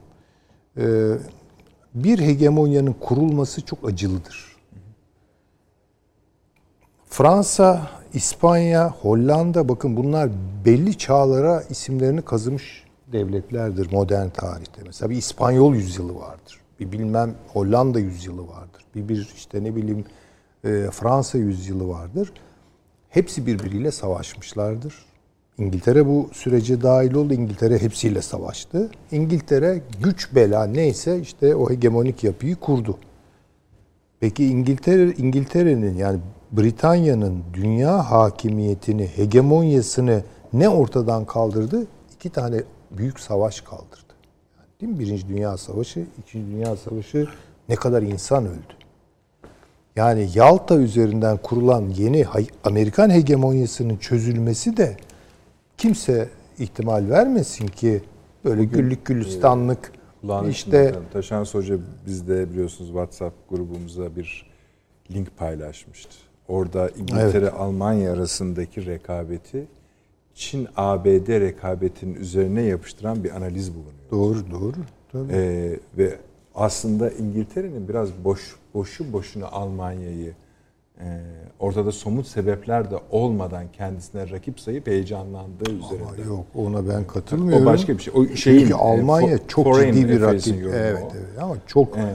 çok ciddi bir rakipti. Hatta yani Amerika'yı kimse e, İngiltere'nin yerini ne alacak bir güç olarak tanımlamıyordu. Herkes elindeki peyi Almanya'ya sürüyordu. Yani bizim iddiaçılar filan da öyle. Yani ama bu böyle olmadı.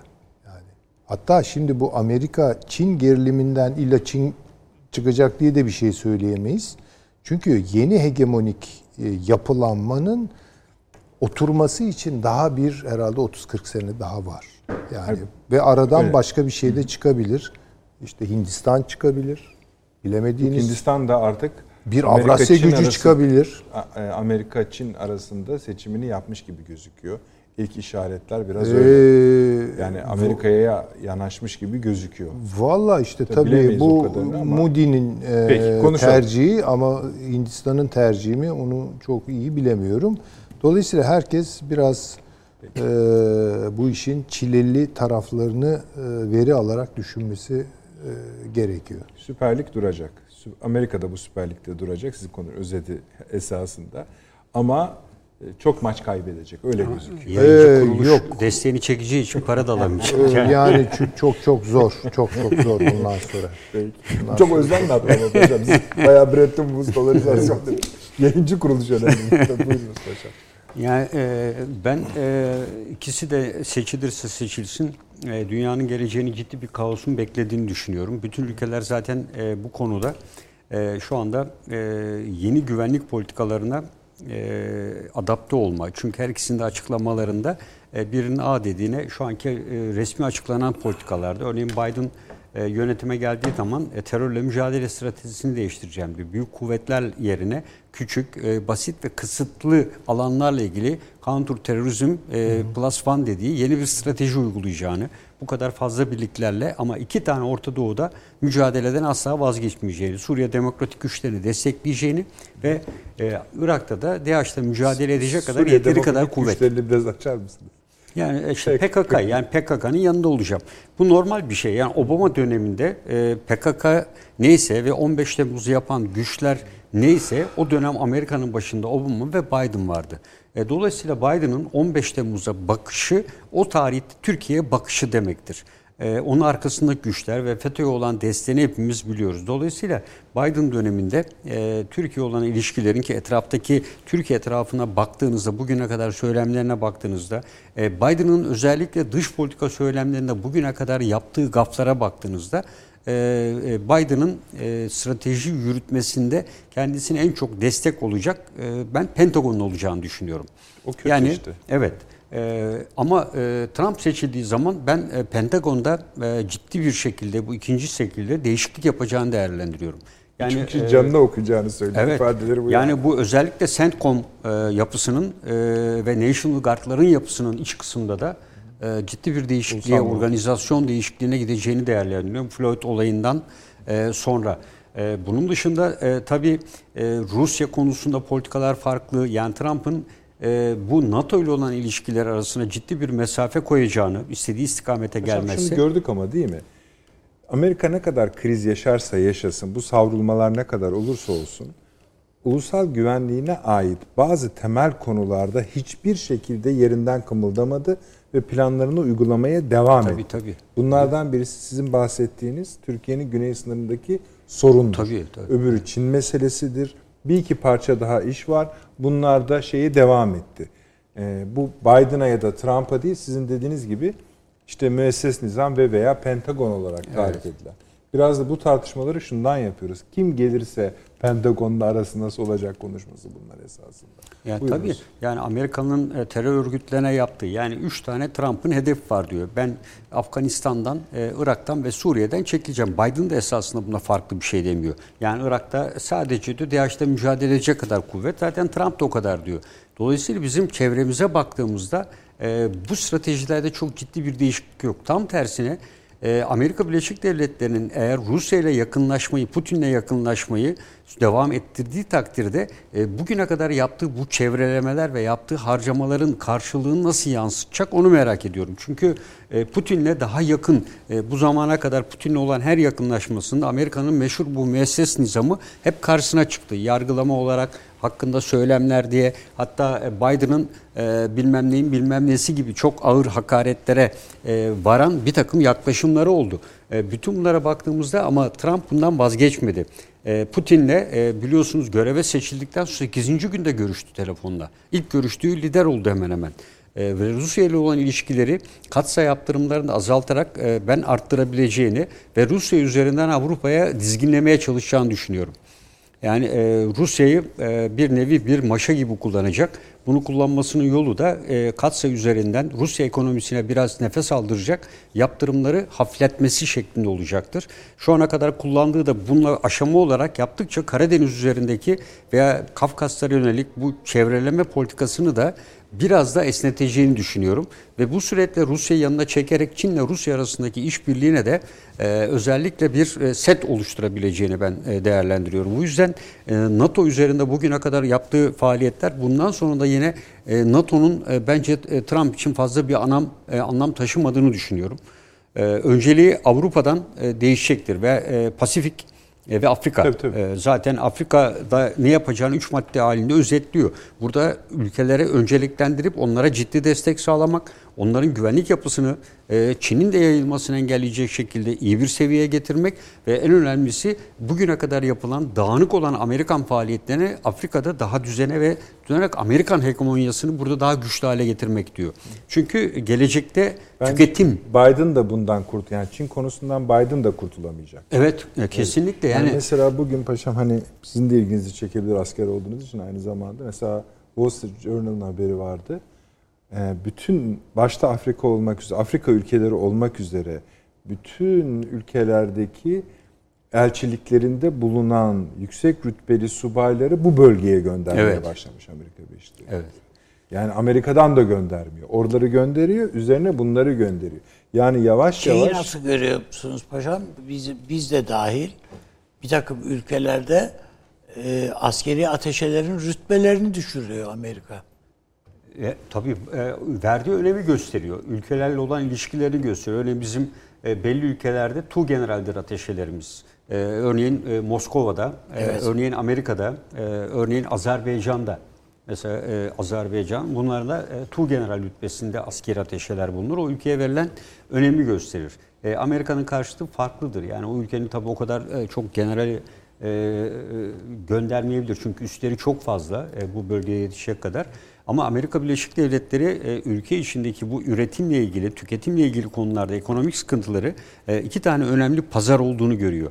Yaşlanan bir Afrika'nın e, kendisine artık tüketim konusunda yeteri kadar bir harcama yapamayacağını, Rusya'nın zaten ekonomisinde mevcut olan yapının petrole bağlı yapı içinde herhangi bir ithalata veya ihraç edecek kapasitesinin olmadığını görüyor. İki tane kapı var. Bir Afrika e, ve Körfez ülkelerinde doygunluğa ulaştığını görüyor. E, ve bunların e, politikaların farklılaştığını da görüyor. E, onlardan da e, fazla ümidi yok. E, Orta Asya. Yani burada e, dolayısıyla Orta Asya'ya girişin yollarını arıyor. E, ve Orta Asya'ya girme yolunda her zaman karşısına Çin çıkıyor. E, ve bunu aşamıyor. İşte Pakistan'a ciddi şekilde e, Pakistan Başbakanı biliyoruz havalanında bekletti, oturdular, aradılar. E, bir sürü şeyler yaptılar ama Pakistan geri adım atmadı bu konuda ve Çin'le olan ilişkilerini arttırdı. E, burada e, bütün bunlara rağmen işte Kafkasya üzerinde e, bu Ermenistan meselesindeki Paşinyan'la olan ilişkisinde de esas kapı Hazar Sözleşmesi'nin e, bence fesini sağlayabilmek ileride. Yani bu Hazar etrafında yapılan sözleşme Amerika'nın hiç istemediği bir sonuçtu. Bu tabii İran'la Rusya'nın anlaşması sayesinde oldu ve diğer ülkeler de buna bir şekilde boyun eğmek zorunda kaldılar. Ama bu anlaşma e, diğer ülkelerin istediği türde bir anlaşma değil. Esasında Rusya ve İran da bu anlaşmadan memnun değiller. E, ama o dönem içinde olası bir Amerika'ya karşı bu bölgeye el atmaması için ortaya koydukları bir süreçti. Çünkü burası aynı zamanda tek yol tek kuşağın deniz yol, geçiş yoludur. E, burada Çin'le Rusya arasını bir şekilde açarak ben Trump'ın Arktik bölgesinde de zafiyeti olduğu Arktik bölgesinde de Çin'le Rus ilişkilerini keserek en kısa olan ticaret yolunu kullanma. E, Çünkü bu vasıtayla e, Rusya ticareti daha güçlü hale gelebilir. E, Çünkü hedef olarak Çin'i görüyor. Bunu Biden da tabii aynı düşüncede ama Biden buna Pasifik yüzyılı dediği için ağırlığı tamamen uzak doğuya. Yani Pasifik O bölgesine. biraz daha diplomasi veriyor, şans Evet, veriyor. yani o, İttifaklara biraz daha gidelim diyor. Evet. İttifakları ne kadar oluşturabilecekse vesaire. Ama burada şunu da söylemek lazım paşam. Mesela e, Trump'ın yaptığı her şey öyle lalettayn, savruk, e, Rusya kartını söylediğiniz için bahsediyorum. Hani e, İkinci Dünya Savaşı'ndan kalan düzenin bütün sütunlarını kırmak, dökmek için değildi. Mesela bu nükleer silahların anlaşmasının iptali Tabii, meselesi. tabii, yani.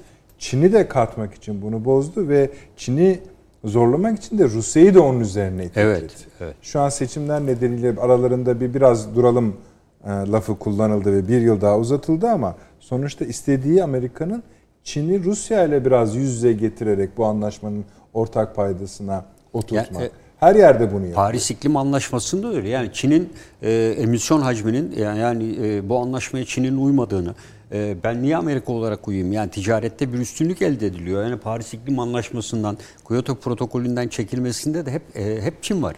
Yani e, Çin e, her tarafı kirletiyor. Bunun maliyetini biz ödüyoruz diyor.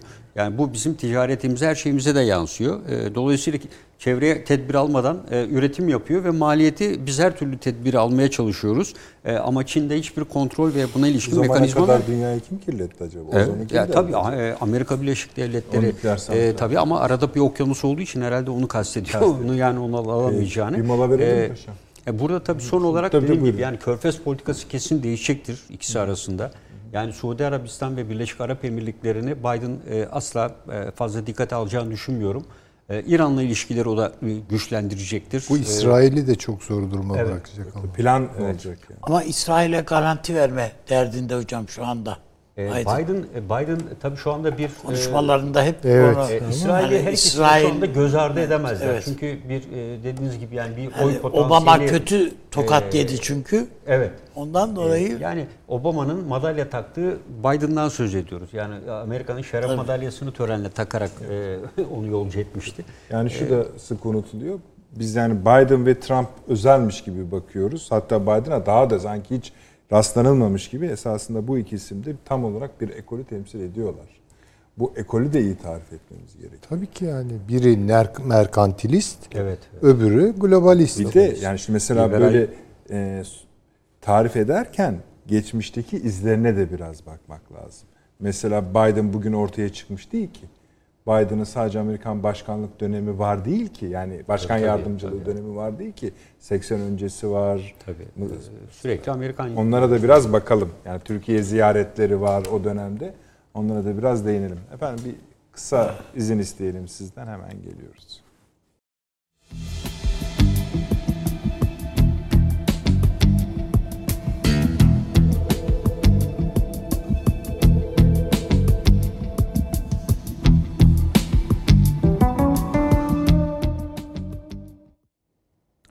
Devam ediyoruz efendim. Amerika Birleşik Devletleri seçimleri üzerine konuşmaya. Sadece onu konuşmuyoruz esasında. Çünkü hangisi kazanırsa kazansın, ister Biden ister Trump, dünyaya ve dünyanın ona etkisi, bölgemizdeki gelişmeleri ve Türkiye ile ilişkileri konuşuyoruz. Bizi ilgilendiren kısmı da bu. Elbette zaman zaman da oraya gidip bakıyoruz seçimlerde durum nedir diye. Ama asıl anlamamız gereken bundan sonra dünyada ve Türkiye-Amerika Birleşik Devletleri ilişkilerinde yeni başkanın rolü edinimi.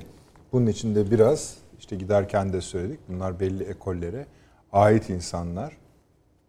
Biden da öyleydi, Obama da öyleydi, Hillary Clinton da öyleydi, Bill Clinton da öyleydi. Aynı ekolü temsil eden insanlar 80 öncesinde gelip burada en az 2-3 defa e, Avni Bey'in anlattığını hatırlıyorum bu Türkiye'nin şey Yunanistan'ın NATO'ya dönüş kanadının öyküsünü söz verdik. Söz veren adam sonra emekli oldu gitti diye hatırlıyorsunuz. O sözü veren adamlardan birisi de Biden'ın ta kendisiydi yanlış hatırlamıyorsam Süleyman Hocam. Yani e, o zaman geldiler zamanın başbakanıyla görüştüler. Genelkurmay Başkanı ile Genelkurmay Başkanı dediniz Kenan Evren işte. Bunları yapacaksınız dediler ama o siyasi iktidar buna hayır deyince o süreçler yaşanmaya başladı. Darbeler vesaire. Aynısını Mursiye'de yaptılar. Biden orada da vardı. Yani Biden bilmediğimiz adam değil. Bildiğimiz adam. E, Sicili de bu. Evet, tabii. Ee, Ben tabii Türk e, Amerika Birleşik Devletleri e, Trump'ın kazanması halinde Rusya ile olan ilişkileri e, bütün bu tabii e, kendisine bir önceki aşamada birinci e, döneminde karşı çıkan sistemi yeniden yapılandırması halinde bu ilişkilerin e, çok tabii anormalleşmeden ama katsa yaptırımlarında dediğim gibi ciddi bir şekilde e, bir indirime gideceği e, ve bu doğrultuda ben e, Rusya'nın ekonomisini canlandırabilmek için belki mal satışı açısından değil ama Türk akım 2 ile belki Kuzey akım 2'ye e, bir ciddi bir alışverişle bu yönde önünü açabileceğini düşünüyorum. E, ve Trump e, bu yolla belki Avrupa'yı dize getirmeye çabalayacaktır. Yani İngiltere'nin Brexit'ten ayrılmasından sonra Avrupa içindeki ülkelerde evet kendi kuvvetlerinde yerleştirdi. Polonya'da olsun, Romanya ve diğer ülkelerde. Almanya'dan büyük kısmını e, çekti, bir kısmını Afrika'ya gönderdi. E, Avrupa göbeğinde kalan kuvvet sayısı e, oldukça azaldı. E, ancak e, buna rağmen yine bu ülkelerde kuvvet bulundurarak e, aynı zamanda e, Rusya'ya ben e, bir kuvvet yığınağından ziyade e, bu ülkeleri kontrol etmeye yönelik bir sistem. Yani e, bu ülkelerden e, eninde sonunda işte Güney Kore'den ne dedi Trump?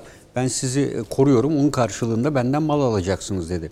Yani Bulgaristan, Romanya ve Polonya gibi ülkelerle olan ilişkisinde Estonya, Letonya, Litvanya dahil e, burada evet NATO kapsamında kuvvet bulundurma e, olayı var ama e, 2020 yılında dünya savunma harcamalarında ciddi bir düşüş bekleniyor. Geçen yıl 1.9 trilyon dolardı. Bunun yaklaşık 800 milyon e, doları Amerika'ya ait tek başına. Ve Amerikan savunma sanayi e, bu yıl e, çok ciddi bir e, satış e, arıyor ama bulamıyorlar. Yani hiçbir ülkenin e, şu anda e, bu konularda mal e, alacak bir güç ve kudreti yok. E, Suudi Arabistan, Birleşik Arap Emirlikleri dahil olmak üzere. Avrupa ülkelerinin harcamalarında biraz oynama gözüküyordu. O da gerileyecek. Almanya, e, bunların içinde Almanya ciddi bir şekilde ön plandaydı. E, Almanya esasında çok eski olan sistemlerini modernize etmeye çalışıyor. Yani Leopard Harcama serisi, tabii Leopard serisi tankları vesaire bunlara uzun yıllar e, Amerika falan müsaade etmedi. Ruslar da dahil olmak üzere anayasa gereği e, pasifist bir e, savunma doktrini izlediği için. E, fakat artık e, bunu en son işte tatbikatta gördüler Amerikalılar. Dediler ki ya bugün biz olmasak sizin tanklarınızı bile çekerek getirdik falan diye dalga geçtiler biliyorsun. Amerikan Büyükelçisi, Berlin'deki büyükelçileri falan. E, hiçbir şeyiniz çalışmıyor dediler. E, bu gerçekten de öyle veriydi. İşte Almanya'ya gittiğimizde de görüyorduk. Yani Alman silah sistemleri mühendislik gelişmiş olmasına rağmen e, artık çok eski sistemler. Yani teknolojiden oldukça uzak sistemlerdi. E, ona yönelik olarak e, Ama işte- sağa sola denizaltı falan satıyorlar. Evet, o deniz kuvvetleri açısından e, ve tanklar ama ciddi tahditler koyuyorlar. Yani Türkiye'de olduğu gibi işte bunu Güneydoğu'da Leopard'ları kullanamazsın. Burada bunu kullanamazsın filan gibi. Kanada'nın, e, Amerika'nın daha evvel yaptığı sistemlerin aynısını e, yapıyorlar. E, ben e, bundan sonra e, bu bölgelerde e, Trump'ın daha etkili olabileceğini, özellikle ilk yapılacak şeyin tabii burada e, Trump'ın seçimini en çok bekleyen bir PKK'nın başındakilerle iki Netanyahu olduğunu düşünüyorum. E, tabii üçüncüsü de Güney Kıbrıs e, Rum yönetiminde bir değişiklik olmaz. Biden da gelse, e, diğeri de gelse Doğu Akdeniz politikasının Yunanistan ekseninde aynen devam edeceğini düşünüyorum. Ya bu bir değişiklik olmayacak. E, tabii Trump'ı Türkiye ilişkilerinde bekleyen bence üç tane önemli konu var. E, bunların e, başında e, tabii e, Temsilciler Meclisi Senato'da çoğunluk nasıl olacak onu bilemiyoruz ama e, Türkiye yönelik bu katsa yaptırımlarının aşama aşama devreye girme ihtimali kuvvetle muhtemel. Yani Trump'ın burada çok fazla ben e, dayanamayacağını değerlendiriyorum. E, belli belli bir mesafe e, burada alınabilir ama dediğim gibi bu yaptırımların e, en hafif. Çünkü bugüne kadar hep seçimler beklensin diye temsilciler meclisinde kabul edilen e, bir takım öneriler, teklifler vardı. Bunlar bu aşamaya kadar beklendi. Birincisi bu. E, İkincisi e, ben e, Doğu Akdeniz konusunda özellikle Kıbrıs konusunda e, Amerika Birleşik Devletleri'nin çözümü için daha aktif bir politika izleyeceğini çünkü burada da Çin'in veya Rusya'nın da Doğu Akdeniz'de olan rekabetini bildikleri için bu adanın mutlaka e, tek bir devlet adı altında ve Amerika'nın kontrolde olmasını isteyeceklerdir. E, şu anda ikili yapı e, Amerika Birleşik Devletleri için her zaman için tehlikelidir. Yani diyoruz evet Çin, Rusya, Türkiye üst verebilir. Bu tür bir ihtimal var mı? Evet mantıken var. E, ama ya, olabilir mi? Tabii zaman e, gösterecektir. E, dolayısıyla iki parçalı bir yapıdan sonra bu sorunun çözümüne müdahale e, olacaktır. E, tabii e, Afganistan dediğim gibi çekecektir ama e, Afganistan'daki kuvvetlerin çekmesi Afganistan'da Çin hakimiyetini artıracaktır. Yani bu dengeyi nasıl sağlayacaklar tabii onu bilemiyorum. E, ama Kazakistan, Kırgızistan, Pakistan, e, Myanmar, Nepal, e, Bangladeş buralarda hepsinde Çin e, oldukça hakim olmuş durumda. Amerika Birleşik Devletleri'nin bu bölgeye girmesinin tek yolu Rusya-Çin arasını bir şekilde açarak e, işbirliğinden geçiyor. Nasıl şekilde başarabilir? E, Trump e, belki değişik politikalara yapabilir. Kuzey Kore ile yeniden temas kuracağını düşünüyorum. E, Kuzey Kore ilişkilerini Trump geliştirecektir. E, çünkü e, bunda da kendisi ciddi şekilde eleştirildi. Yarım kalan bir politik olarak e, özellikle Pentagon'un e, geri ittirmesiyle e, bu politikasını e, askıya aldı şu anda. E, buna yeniden başlayacağını düşünüyorum. E, Biden e, bu açıdan bakıldığında e, tabii Rusya ile arasında bir mesafe koyacağı, e, aynı şekilde Çin'le asla bir savaş ortamına girmeyeceği ama ticaret açısından Amerika'nın menfaatlerini ve Amerikan halkının korunacağını hep deklar ediyor. Tabii ben e, savunma sanayinde dediğim gibi e, bu sene çok fazla bir kıpırdanma beklemiyorum. E, önümüzdeki yılda bunun etkileri sürecektir. E, Biden'ın tabii ana rolü özellikle e, bu korona nedeniyle Amerika'nın e, uluslararası alanda kaybettiği itibarının e, ve liderlik rolünün tekrar eski plan alınması için sağlık sistemini belki kamulaştıracağı veya o bölüme daha ağırlıklı bir yatırım. Tabi bunun kaynağını, finansmanını yaratabilmek, mevcut olan yapı içindeki özel sektörün nasıl olacağını da sorgulamak gerekiyor. Çünkü Amerika artık milli güç unsurlarına eklenen bu sağlık yönetim gücünü hiç kullanamadı ve bu konuda e, çok zayıf olduğunu bütün dünyaya deklar etmiş oldu. E, tabii bunun e, dışın... O güzel de Çin durmayacak ki. Ya, ya Yani Çin, işte mesela Biden kazandığı takdirde Çin'le ilişkileri belli bir tansiyonda tutarak ilerlemesinin bir anlamı olmuyor. Çin durmayacak. Ama Çin'i e, yayılmasını engelleyecek. Yani burada e, Çin elbette durmayacak. Ama e, Çin'in e, ticari alışveriş yaptığı ülkeler işte Afrika'ya neye gidiyor? Afrika'nın e, tüketim potansiyeli inanılmaz boyutlarda artacak. Birkaç yıl içerisinde yıllık 5 milyar dolar, 10 milyar dolarlardan söz ediliyor. Sadece tüketim 5-6 kalemi için yapılacak harcamalar. Afrika Birliği'nin rakamları da bunu gösteriyor. Şimdi buna baktığınızda dünyanın iştahını kabartan, en çok satış yapan ticaret yapan ülkeler için önemli bir kapı. Öbür taraftan bakıyorsunuz Tacikistan, Kırgızistan gibi ülkelerde e, Almanya dahil buralara kredi veriyor ticaret hacmini arttırmak için. Çin'in ciddi bir şekilde bu ülkelerde etkisi var. E, Amerika buralara giremiyor şu anda. Yani Amerika'nın buraya girebilmesinin e, yolu ya Çin'le ya da Rusya ile olan işbirliğinden geçiyor. Ama aynı zamanda Çin silahlanıyor. Ama e, işte o silahlanması e, karada ve denizde ulaşabilmesi için 2030-2035 yılları olarak öngörülüyor. Yani daha Amerika'nın önünde Mesela şey vardı e, paşam 2015'in Rent raporu hatırlayacaksınız Evet. belki. E, Çin'in kıyı şeridindeki bütün komşularında bulunan Batı ve Amerikan silah yapısının tamamına basacak teknolojiye artık sahip onda olduğunu. sorun yok. Yani e, kendi yakın çevresinde Amerika'nın kuşatmasına karşı onlara müdahale edecek kapasitesini geliştirdi. E, uzayda da Amerika'ya göre bir adım önde. E, bunda da bir sorun yok. E, fakat Çin'in e, özellikle bu Kızıldeniz üzerinden Afrika'ya giriş çünkü Afrika'ya verdiği önceliğin temelinde bu yatıyor. E, Çin'in ticaretini bir şekilde kesmek. Ha bu tek yol tek kuşağı engellemek vesaire şeklinde olabilir. E, Çin'in bugün Akdeniz'de hiçbir askeri gücü yok. Çin'in Kızıldeniz'i koruyabilen 3 tane gemisi var. Ve Çin'in bunlara lojistik destek sağlayacak gemileri yok. Ve çok ilginç bir şekilde sivil tankerlerden lojistik destek yapıyor. Yani bu yeni bir e, konsept geliştirmiş. E, savaş gemilerinin yanına e, sivil tankerler geliyor. Sivil tankerlerden lojistiğe önceliği vermiyorum ben diyor artık. Savaş gemilerine veriyorum diyor. O yüzden lojistiği diyor özelleştirdim ve siviller tarafından. Yani Çin gibi bir ülke bile bunu özelleştirebiliyor. Yani bunun sayısız görüntüleri var. Bunun üzerine Süleyman Hocam hani abi, Çin'e söylenen şey şu Trump yönetimi tarafından.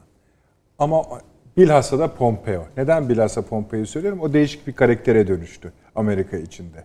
Gelecekte de nasıl bir rol oynar onu da merak ediyorum. Diyor ki ya diyor, bu adamlar şey Marksist Leninist. Yani Çin Komünist Partisi bunlar.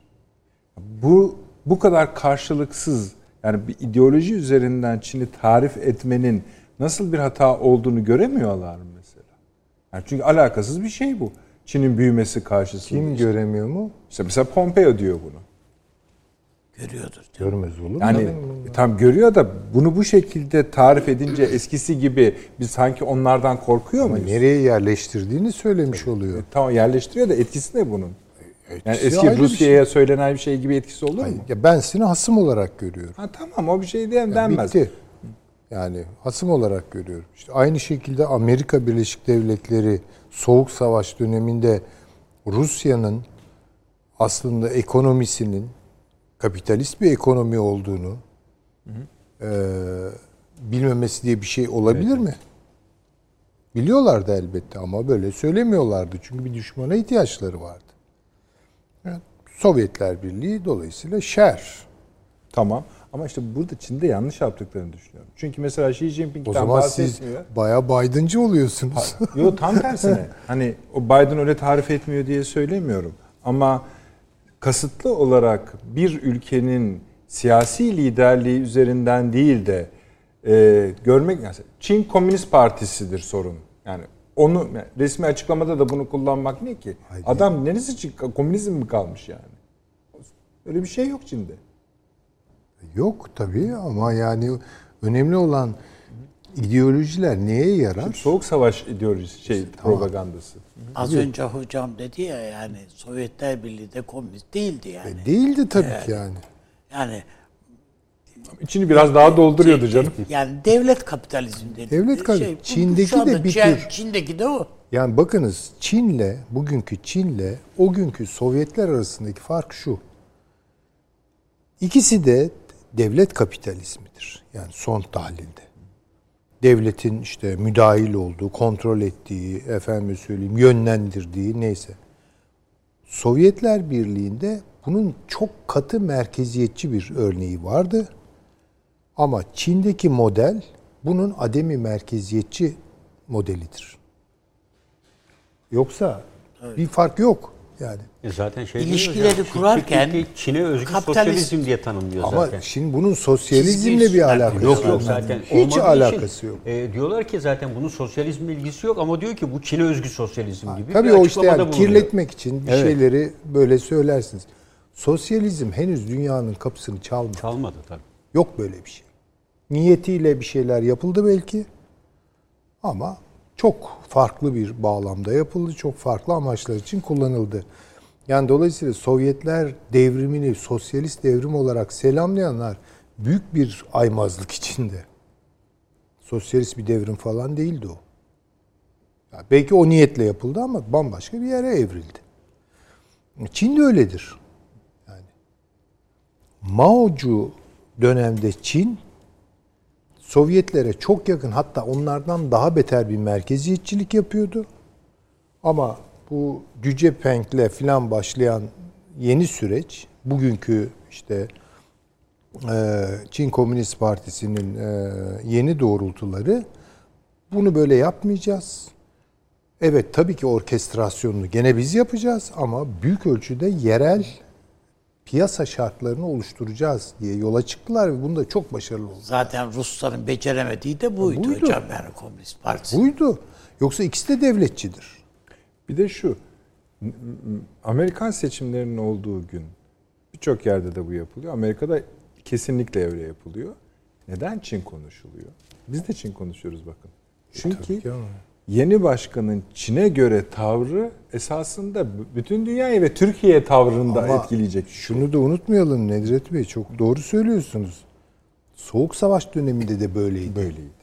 Yani her Amerikan seçimi Sovyetler Birliği'ne karşı bir vaziyet alış. Yani koegzistans pasifik mi Stratejisi olacak? değişiyordu. Yani bir bakıyorsunuz esnek tabii. mukabeleydi Khrushchev- farklı oluyor tabii. La- Eisenhower doktrini Tabii yok. hepsi Bush değişiyordu doktrini. yani ve Sovyetlere göre değişiyordu. Yani tabii ki bunlar bunlar birer bahaneydi yani. Bunlar çok ciddi şeyler değildi.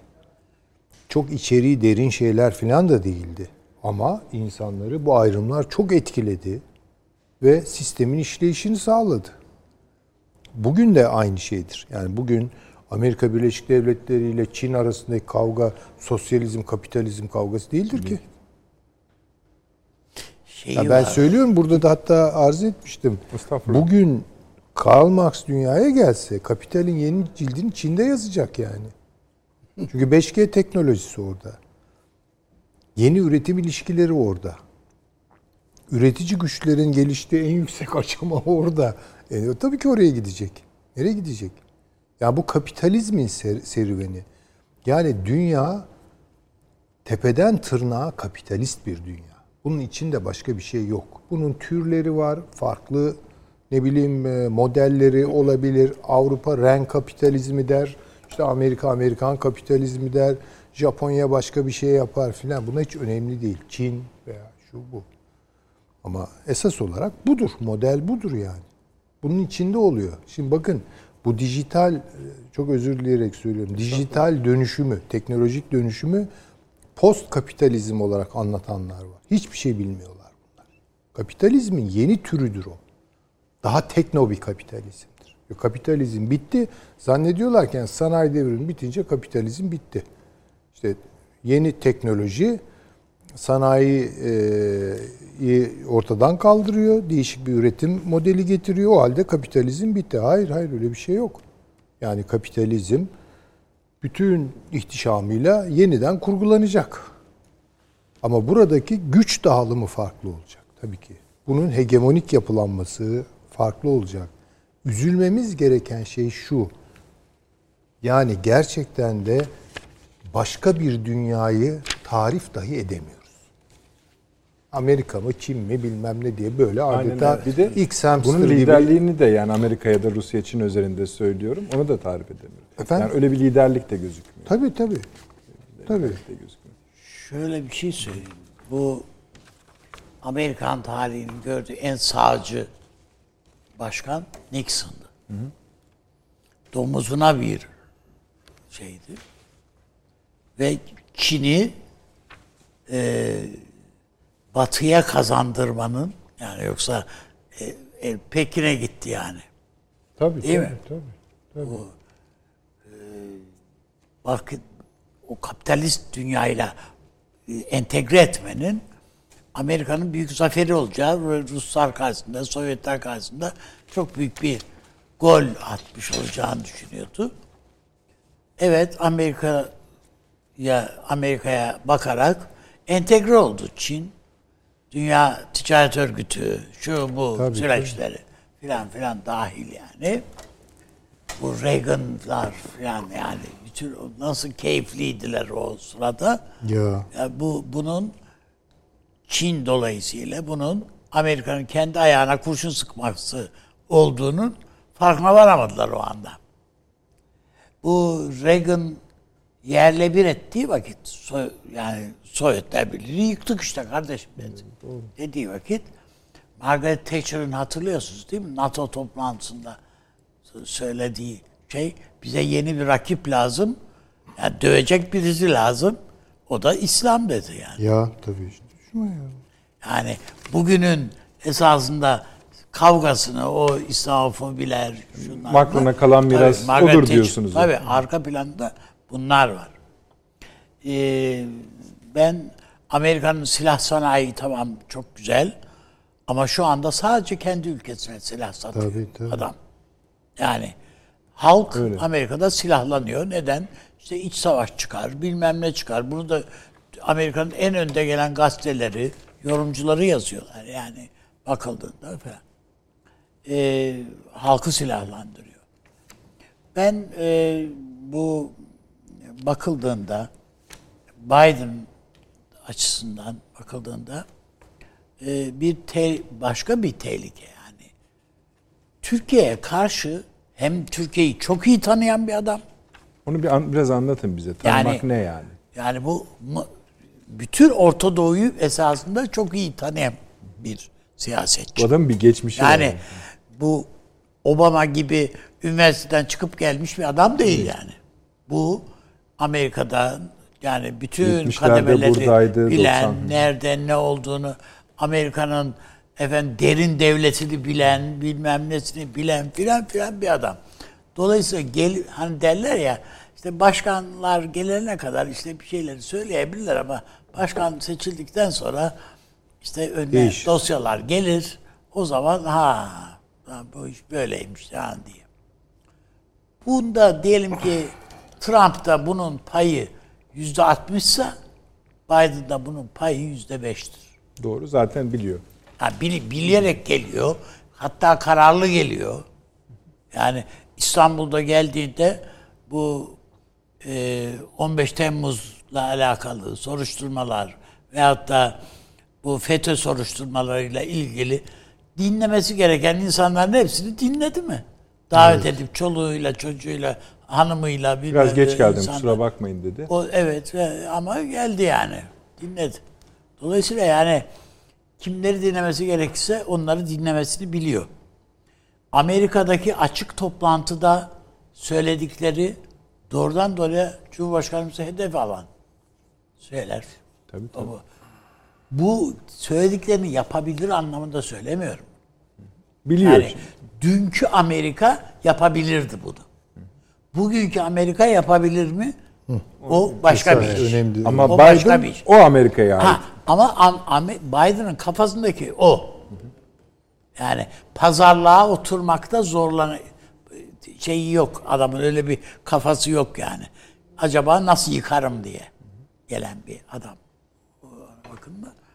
Ben eee, Türkiye açısından o açıdan e, o bakımdan ben Trump'ın kazanmasının e, daha hayırlı olacağı kanaatindeyim. Ha daha hayırlı derken yani bu çok iyi adam falan diye söylemiyorum. Tabii canım. Bu bizim güneydeki şöyle söyleyeyim size yani paşam e, daha iyi değerlendirir zannediyorum. E, Suriye konusunu biz 10 sene 5 sene önce eğer bu bu noktada olsaydık biraz daha ümitsiz olabilirdik. Ama bugün o kadar öyle değiliz. Rusya'da Türkiye ile dans ederken hesabı bir kere daha oturup düşünmek zorunda. Ayağa basmamaya çalışıyorlar. E, e, evet yani dans ederken böyleler. Ya aynı şey Amerika için de geçerli. Yani artık Bu, biz bravo. şurada burada şu PKK işini bir bitirelim, devleti kuralım bilmem. Hayır değil kardeşim. Bunu biz değerlendiriyoruz. Biz böyle bakıyoruz ama bunu diyelim ki Barzani de böyle değerlendiriyor mesela Irak'ta. Ve diyor ki derhal bu PKK buradan def edilmeli. Dünün Barzani'si, dünün Kuzey Irak'ı bu kafada değildi. Aynı şey Bağdat rejimi için de geçerli.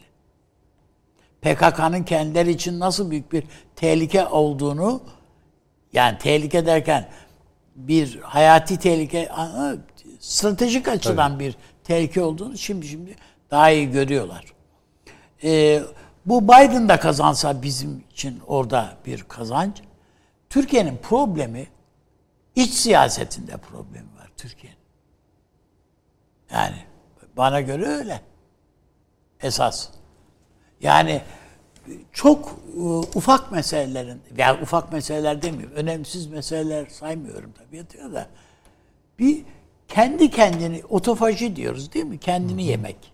Yani kendi kendini yiyen bir yapımız var bizim.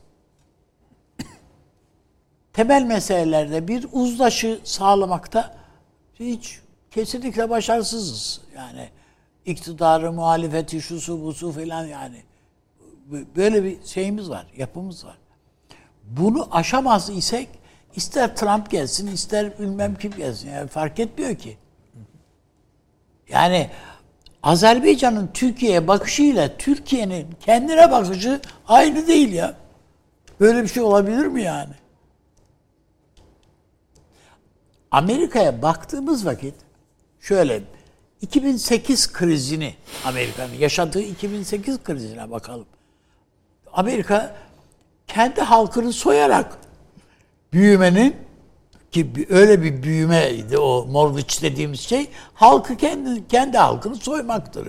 Başka bir şey değil. Bir kısmını da Almanya'ya o senetlerin ihraç ederek Deutsche Bank'ı da soydular. Battı onlar. Battı, hepsi battılar. E, hep beraber. Şimdi Amerikan halkı da bu bu soyguna hayır diyor yani artık. Yani soyacak halin aynı siyasetleri orada sürdüremez.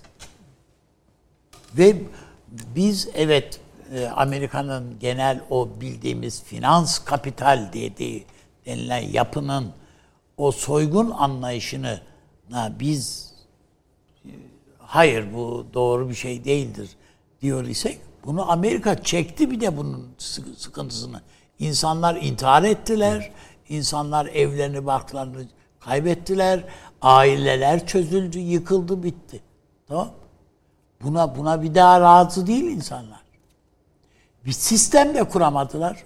Yani Obama da geldiğinde ne bir sağlık sistemi kurabildi, ne şunu yapabildi, ne bunu Zaten yapabildi. ne yaptıysa Trump da zaten onları geçti, Evet. geçti.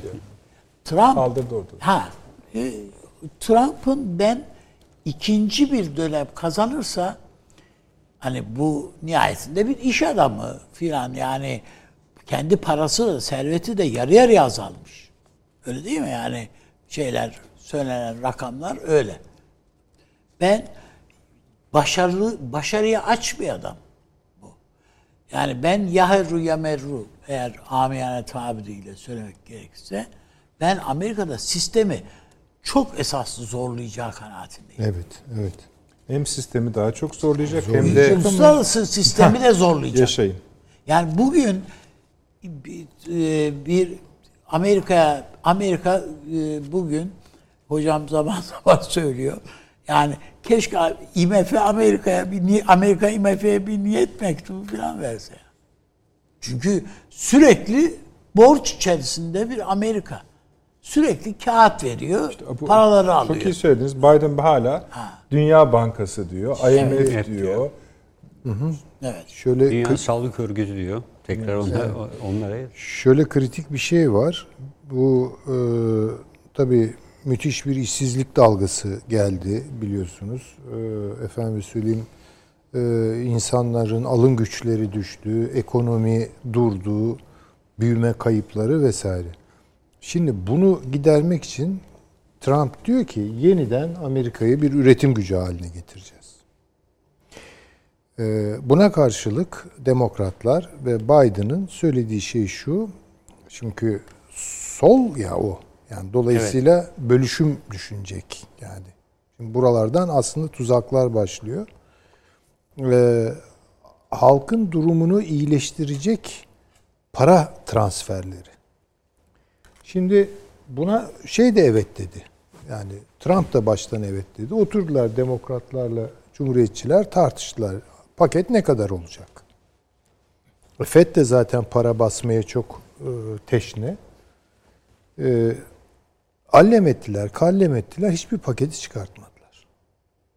Aslında bu Fed'in de yaptığı bir şeydi. Bir dakika bir duralım da şu Trump iyice bir zor duruma düşsün.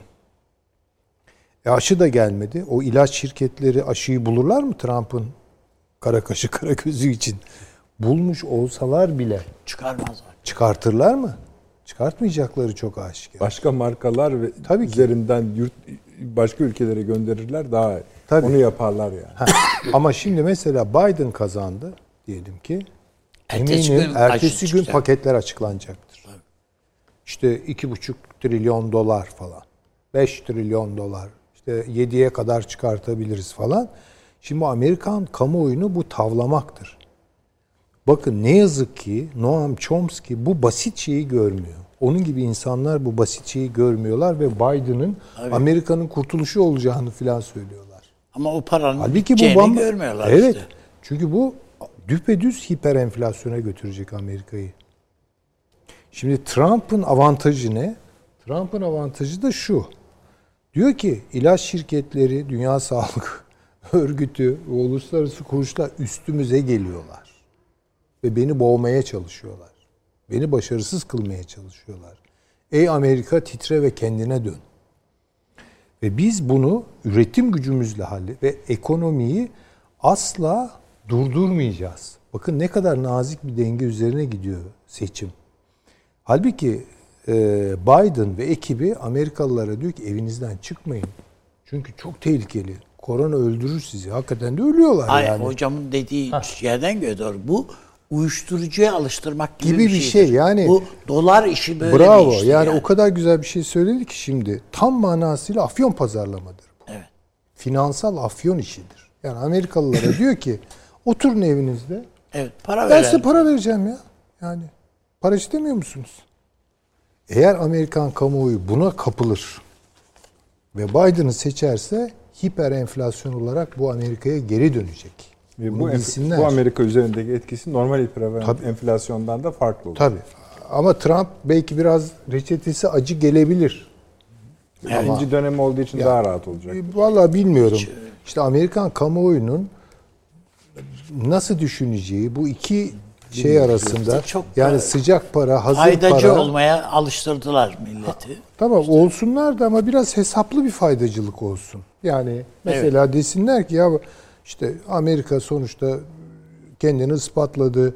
19. asırda işte o Belle Epoque, e, Gilded Era derler hatta ona. ya. Yaldızlı Çağ Amerikası. Evet. İşte bir üretim patlaması şu bu. E, faşizmi yendik işte sonra dünyanın standartlarını değiştirmiş. Yani bir iftihar edebilecekleri bir geçmiş var. Bunu yeniden canlandıracağız, ayağa kaldıracağız diyorlarsa eğer bu daha zor, daha acı bir şey. Bana kalırsa da çok zor bir şey, hatta imkansız bir şey. Ama Amerika kaybetse bile şerefiyle kaybetmiş olacak. Öbür türlü çünkü çok kötü bir şekilde kaybedecek. Bunu Amerika görüyor mu, görmüyor mu? Amerikalı görüyor mu, görmüyor mu? Onu ben bilemiyorum tabii ki. Ama Chomsky'nin görmediği çok açık. Peki şu ekol ekolden gelme ve tarih yani siz dediniz ya hani bir hani biliyor. Yani buraları buraları biliyor öyle Tabii değil. evet. Biden evet. mı? Biden tabii. Evet evet.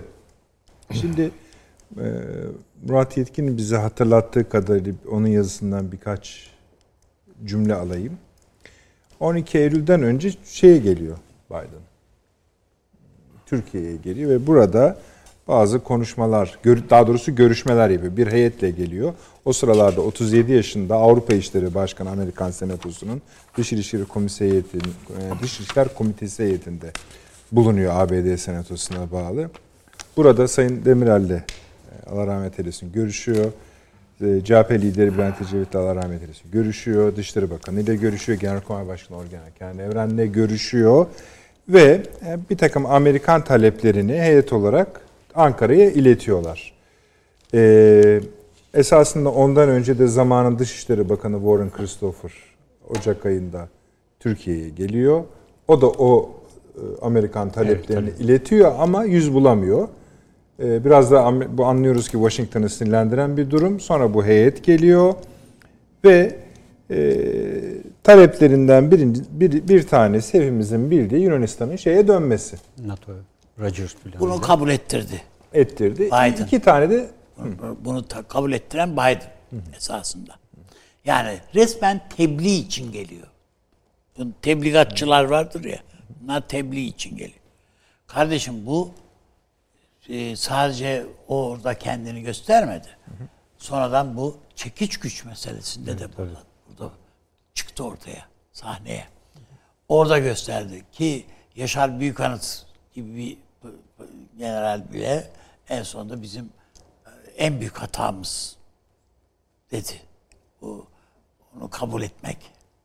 Ama üzerinden çok zaman geçmiş bir ordu komutanımızı işte uçak kazası falan diye biz bizi öldürmüşler. Şunları yapmışlar, bunları yapmışlar. PKK azmış, kudurmuş filan filan.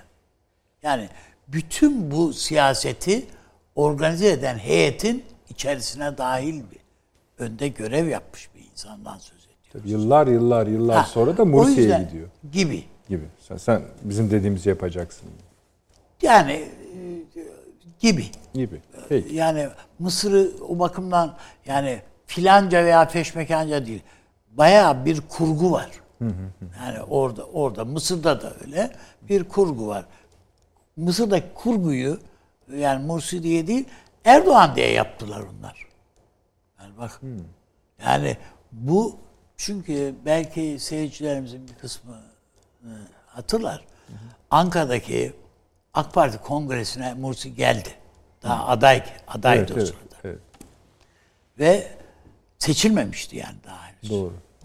Ee, Hamas lideri de geldi aynı kongreye. Bunlar yani Tayyip Erdoğan'a sen bizim abimizsin. Ortada da belli bir siyaseti savunacağız. Müstakil bir siyaseti savunacağız dediler. Ee, bu aslında kendi ipini çekmek gibi bir şey tabii yani uluslararası siyaseti bilen insanlar için. Bu Amerika için zaten düğmeye basman basmak için bu yeterli zaten. Ha. Erdoğan'ın kontrolünde bir Mısır Devlet Başkanı. Ve seçildikten sonra Tayyip Bey'in Kahire'ye giderken gittiğinde yaptığı konuşmayı filan şöyle bir gözümüzün önüne getirdiğimizde nelerin olabileceğini anladık yani orada adamlar derhal neredeyse yani bir hafta bile beklemediler ya. Sonra bir de laiklik konuşması hatırlıyorsunuz. sen, tabii İşte onları söylüyorsun. söyle söyledikten sonra bir hafta bile beklemediler adamlar. Derhal yani Mısır'ın esas patronu asker değil mi? Evet. Askeri kendi komutanına karşı kullanıyor. Yani kullanıyor. Ve dolayısıyla yani bu Biden bütün bunların hepsini bilen, eden, içinden sıyrılıp gelmiş bir adam 12 Eylül biliyor, 15 Temmuz'u biliyor. Her bir şeyi, her bir. Yani 28 Şubat'ı biliyor. Yani bunların hiçbirisi aktif siyasetin en önündeki adam olsun ya da olmaz. Ama hepsinin içerisinde yer almış adamlar bunlar. Biliyorlar. Onun için ben e, ürküten bir şey Profil. başkan olacak bizim açımızdan. Ee, hepsinin arkasında bir hesabı. Yani Türkiye isterse bizim o anlık işimize gelsin yani. F-35'leri sana veriyorum falan. Yani gerçi öyle bir şey diyecek yok da. Diyeceği yok da. İsterse onu desin. Arkasında mutlaka bir farklı ve bizim için hiç hayırlı olmayacak bir hesaba dayandığını bunun. Düşünmemizi gerektirecek.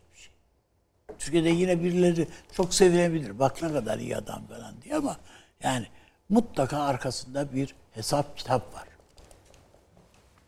Paşam bu hesap kitaplardan biraz bahsedelim. Ya, e, ben e, burada e, özellikle Biden'ın e, İran'la olan ilişkilerin e, normalleşmesi konusunda yani Trump da bir ara buna çaba sarf etti biliyorsunuz.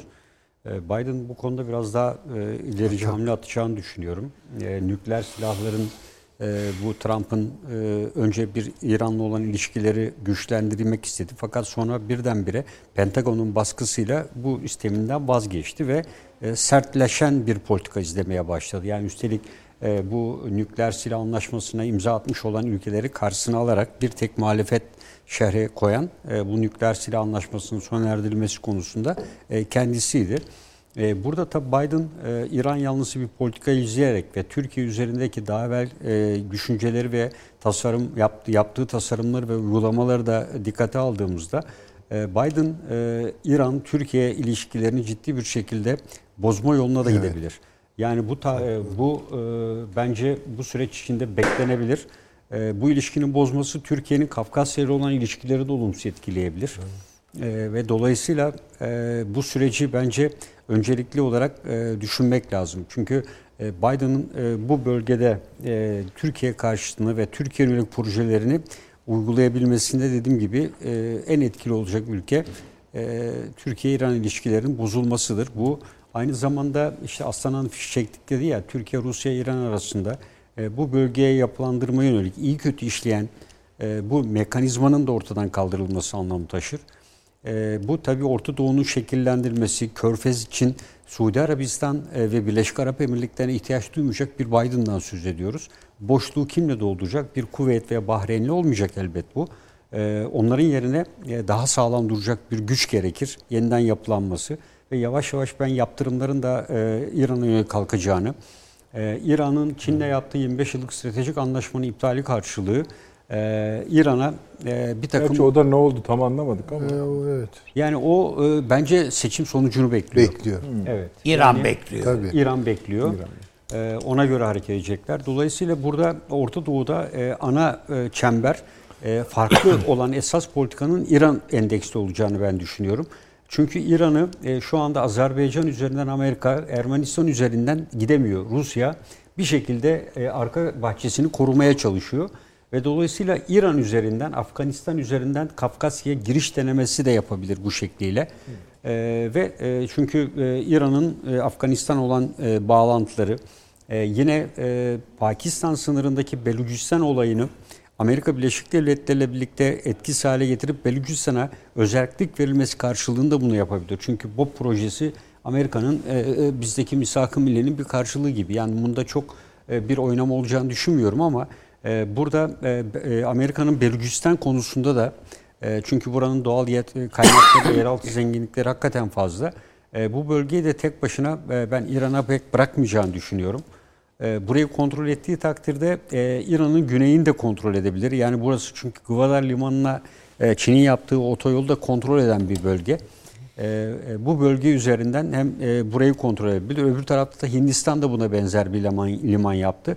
Ve çiftli e, Hindistan ve bu taraftan da Amerika Birleşik Devletleri'nin baskısıyla e, Çin'in Gwadar Limanı'na olan ticaretinin e, bir şekilde boğazı sıkılarak azaltılması veya durdurulması hedeflenebilir. E, bunun dışında diğer bir adımını tabii Amerika Trump'la e, bu meşhur Artemis anlaşması yaptı. Yani e, uyduda e, uzayı e, uzayda işte İngiltere, Lüksemburg gibi birkaç Birleşik Arap Emirlikleri'nin yanına alarak e, uzayı parselleyen bir anlaşma imzaladı. E, bu tabii sembolik yani e, ben uzayın sahibiyim diye uzun süredir e, Trump'ın seçim öncesi yaptığı e, bir hamle olarak düşünülüyor. E, kime karşı yapıyor? E, bu da Çin'e. En son denediği hipersonik füzeler vesaire dahil olmak üzere. Ama bunların maliyeti çok yüksek. Yani şu anda Amerika Birleşik Devletleri'nin Rusya'nın oluşturduğu e, ekonomisinin bozulmasını pahasına bir avantgard tipi hipersonik bir füzeyi e, üretebilme kabiliyeti elbette vardır. Ama bunun maliyeti ve bunu karşılayacak gücü yoktur. Arktik'te de aynı şekilde. Yani bir tane gemiyle Rusya'nın modernize edilmiş ve modern 13 tane buz kuran savaş gemisiyle e, baş etmesi asla mümkün değildir. E, o yüzden e, Amerika Birleşik Devletleri'nin... Aslında Çin ve Rusya'daki gelişmeler de adamı tüketiyor. Yani e, bir zamanlar belki Sovyetlere Ya karşı karşılık verse bir türlü, vermese bir türlü, türlü. gücü yetmiyor. bir zamanlar Sovyetlerin başına gelen şey esasında biraz bu. E, tabii yani burada e, bence e, Amerika Birleşik Devletleri'nin e, Rusya ile olan Trump'ın kazanmasıyla e, burada e, Belarus ve Ukrayna e, önemli faktörler olacaktır. Kırım konusunda e, Rusya'nın geri, geri adım atması istenebilir. E, özellikle katsayı yaptırımların kaldırılması, e, NATO'nun e, üzerindeki e, Rus cephesine yığılmış olan e, kuvvetlerin ki Amerikan kuvvetlerinin e, biraz daha uygun pozisyonlara çekilmesiyle Romanya Bulgaristan'daki kuvvetlerin ve çevrilmenin biraz e, yatırılmasıyla e, ben e, bu dönem e, biraz e, Rusya üzerine Amerika'nın çalışacağını ama olumlu yönde yani Trump kazanırsa elbette e, ve Yani başa pardon. Şunun için ben öğrenmek amacıyla soruyorum. Bu büyük ölçüde Trump'ın Pentagon'u tornadan Aynen, geçirmesiyle tabii, mi? tabii, tabii, Tabii. tabii. tabii. İşin özü tepe, tepe şemsiyesi o. Yani O zaman Pompeo'yu da bir gün tasfiye edecek demek. Kesinlikle. Yani, yani Pompeo tasfiye edilecek. Zaten benim en büyük beklentim o. Ee, Pentagon'da dediğim gibi ciddi bir Yani yapılanma. bunu söyleyerek e, Pen, Tabii. e, Pompeo ile Pentagon'u rabıtalamış oldunuz. Tabii. Ya ama öyle değil mi? Şimdi e, işte Ama e, şöyle bir Amerika'da şey var, işler öyle yani gitmeyebilir Trump- Süleyman Hocam. Amerika'nın yani öyle deşifre etti ki Amerika'yı e, Amerika kendi bilim adamlarına bile güvenemez hale geldi. e, tabii, tabii. Yani hem düşünebiliyor musunuz? Mars NASA'nın Mars projesinde çalışan bilim adamı ki ben bir ailemi ziyaret edeceğim diye Çin'e gitti. Geri gelmedi adam. İki ay sonra Çin Mars projesini başlatacağını açıkladı ya. Böyle, böyle bir şey artık göstere göstere ya. Patent hırsızlığı diye bir şey söz konusu değil Çin'de Değil yani. Toptan alıyorlar. Bu açıdan çok özgürlükçü bir patent ülke. hırsızlığı vatana En kritik, en büyük hizmet. yani o projenin en kri- kilit noktasındaki adammış de bu sa- Tabii, giden. Yani bütün iletişimi, uydu iletişimlerini filan planlayan kişi. başındaki yani Starlink'i de yapan adam bu aynı zamanda. Bu 60 bin mini uydudan oluşan e, işte bu füzelerin hareket noktalarını ortaya koyan, an be an belirleyen, Amerika'da nereye düşeceğini füzelerin belirleyen ve onu imha etmeye yönelik bir proje. Şu anda Amerika'nın en büyük zafiyeti bu ve bunu engelleyemiyor şu anda. İşte bu navigasyon sistemlerini, şeylerini, roketlerin, Çin'in navigasyon şeylerini, planlarını yapan adam bu. Şu anda da yani şimdi sen bu adamların işte ko- korona konusunda da yani sadece Mars projesiyle alakalı şu bu değil yani silah sanayiyle alakalı değil. Sağlıkla da ilgili adamlarda da var. Onun için üniversitelere Çin, üniversitelere Çinli almayın diye bastırıyorlar. Bilmem neye bilmem ne. E canım Amerikan vatandaşı Çin Çinliler var. Onlar isyan ediyor. Ne oluyor bu şey yani hani özgürlükçü Ayrımcılık. falan ayrımcılık. Peki. E, Burada e, Amerika'nın şöyle, herkesin de politikasında ama Biden'da biraz daha fazla. E, Amerikalıların en son yapılan anketlerde Amerika'nın e, bir şekilde saldırıya uğrama ihtimali, geçen programda da bahsettik, %57, %60'lar gibi.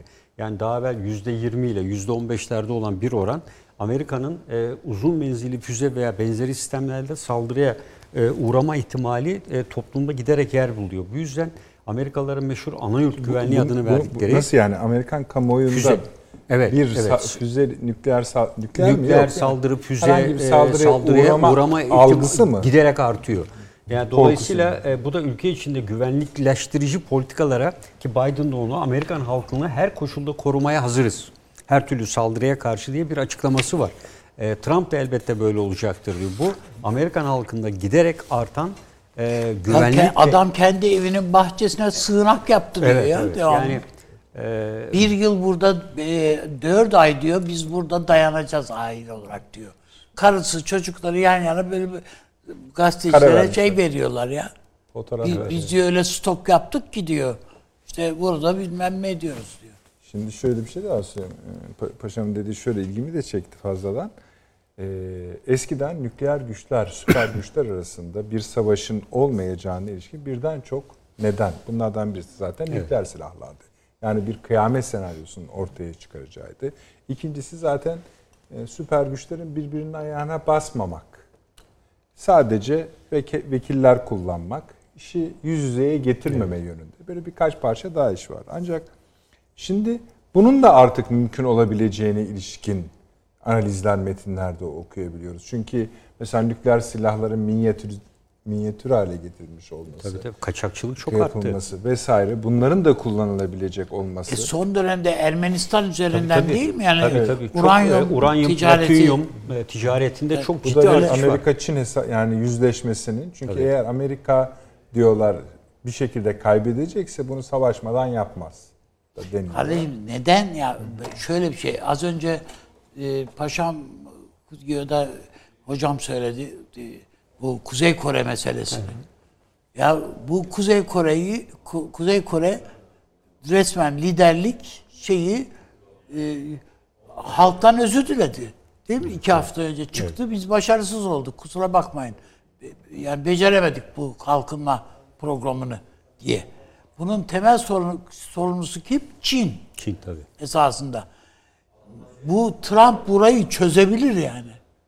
Evet. Kuzey Kore'yi. Bağlayabilir. Onun için oturur bu Çin'in başındaki en büyük belalardan bir tanesi Kore olabilir. Peki. Bir ikinci reklam aramızı da verelim. Kalan süremizde de tekrar Amerika'nın içine dönelim ve e, umarım kazanacak e, liderin kim olduğunu söyleyeceksiniz biraz biraz sonra. Efendim reklamlara gidiyoruz hemen geleceğiz.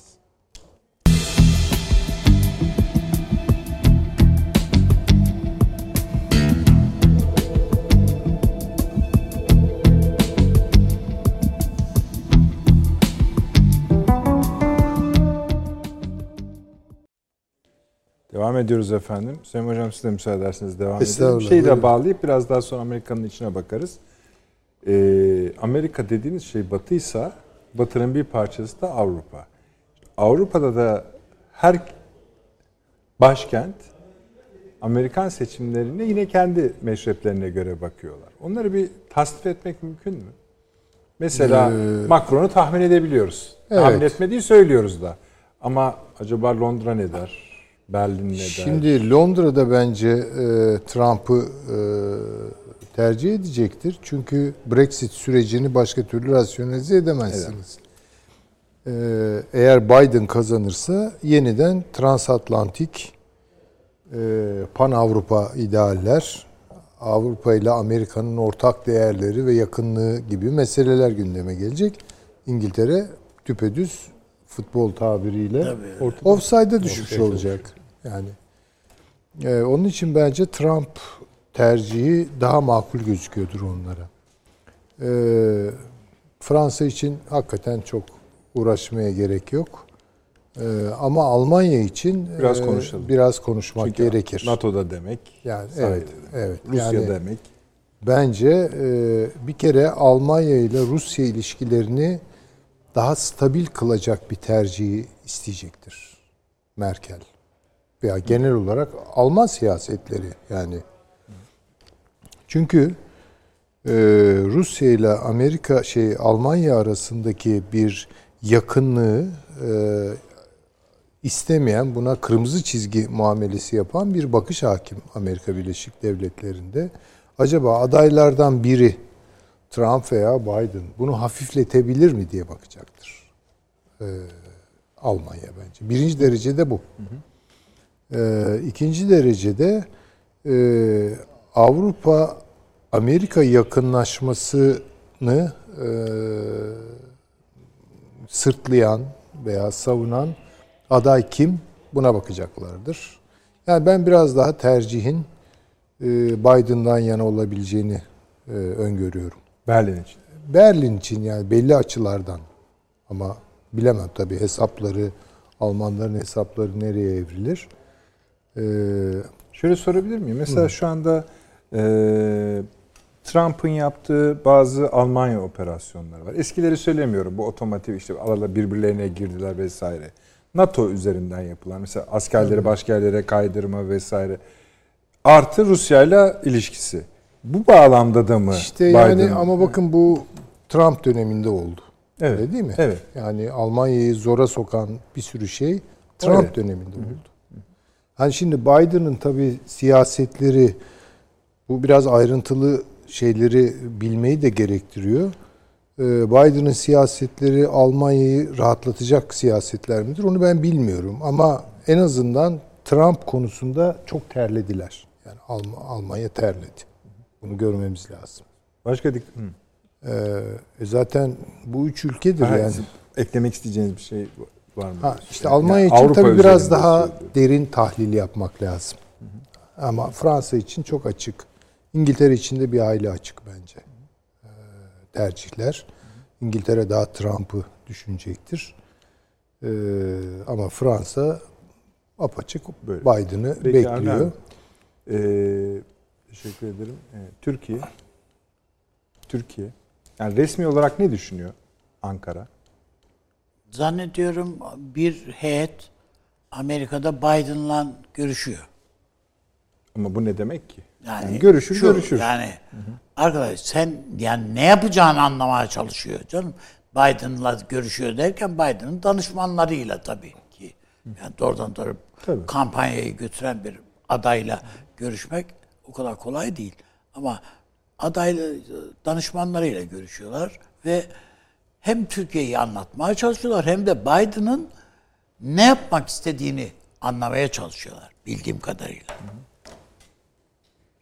Bu bana göre doğru bir şey yapıyor.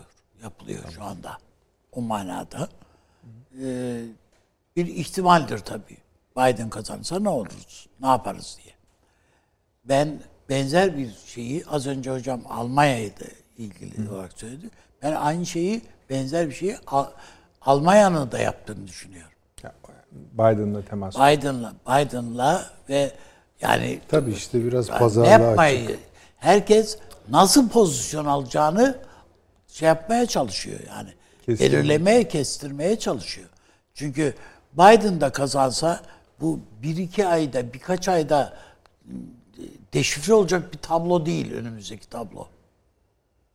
Zaman içerisinde netleşecek bir tablo. Bir, Türkiye açısından da öyle. Yani az önce Kıbrıs meselesini söyledi mesela komutan. E şimdi öyle bir, geldi ertesi günde Kıbrıs'la ilgili şunu düşünüyorum. Hayır böyle bir şey yok yani. Bu zaman içerisinde şu bu filan gelişecek bize arkadan, ön, şuradan, sağdan, soldan bize iletilecek, ulaştırılacak şeyler. Ama ben e, Ankara'nın çok tedirgin olacağını zannetmiyorum açıkçası. Evet ihtiyatlı olur Biden, Biden kazandığı vakit. Ama Türkiye'nin siyasetinde ben çok fazla bir değişiklik Yok, olacağını tabii. düşünmüyorum. Hiçbir şekilde yani. Ha Biden geldi biz şu adımı atmayalım artık veya şurada biraz geri duralım filan. Hayır böyle bir şey olmayacaktır. Süleyman Hocam siz de aynı, aynı şekilde mi düşünüyorsunuz? Ee, ben bu şartlar veri alınırsa evet katılıyorum. Ama Türkiye'de ben iç siyaset konuşmayı pek sevmem. Girmem de, e, girmemeye de çalışırım. Ama Türkiye'deki iç siyasette yaşanan bir takım oluşumların da Biden yatırımı yaptığını düşünüyorum. Ümit tabii. besledikleri. Evet yani şimdi dolayısıyla eğer Türkiye'deki siyasetin akışı içinde ibre e, oraya kayarsa ihtimal o takdirde tabii Türkiye'nin siyasetleri değişecektir.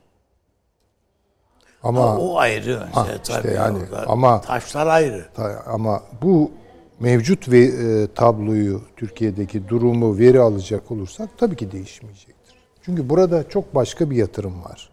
Yani Biden da gelse, Trump da gelse, Ruslar hayır dese de, öteki bilmem çomak sokmaya kalksa da tekere değişmeyecek olan bir kararlılık çizgisi var. Türkiye'nin yararı olarak Tabii. tanımlanan yapılan yatırımlar var işte. Ne bileyim Doğu Akdeniz'de var, Libya'da var, Suriye'de var, Azerbaycan'da var. Birçok şey var. Bütün bunlar e, kolay yatırımlar değil. Başkan değişti diye değişecek hali yok. Bunlardan vazgeçecek hali yok Peki Türkiye'nin. ben bir şey mi söyledim? Şöyle yani hocamın dediği yer kesinlikle doğru ama şunlar kesin bizim sağ yani mesela diyelim ki AK Parti kaybetti. X başkaca bir muhalif kanat kazandı geldi.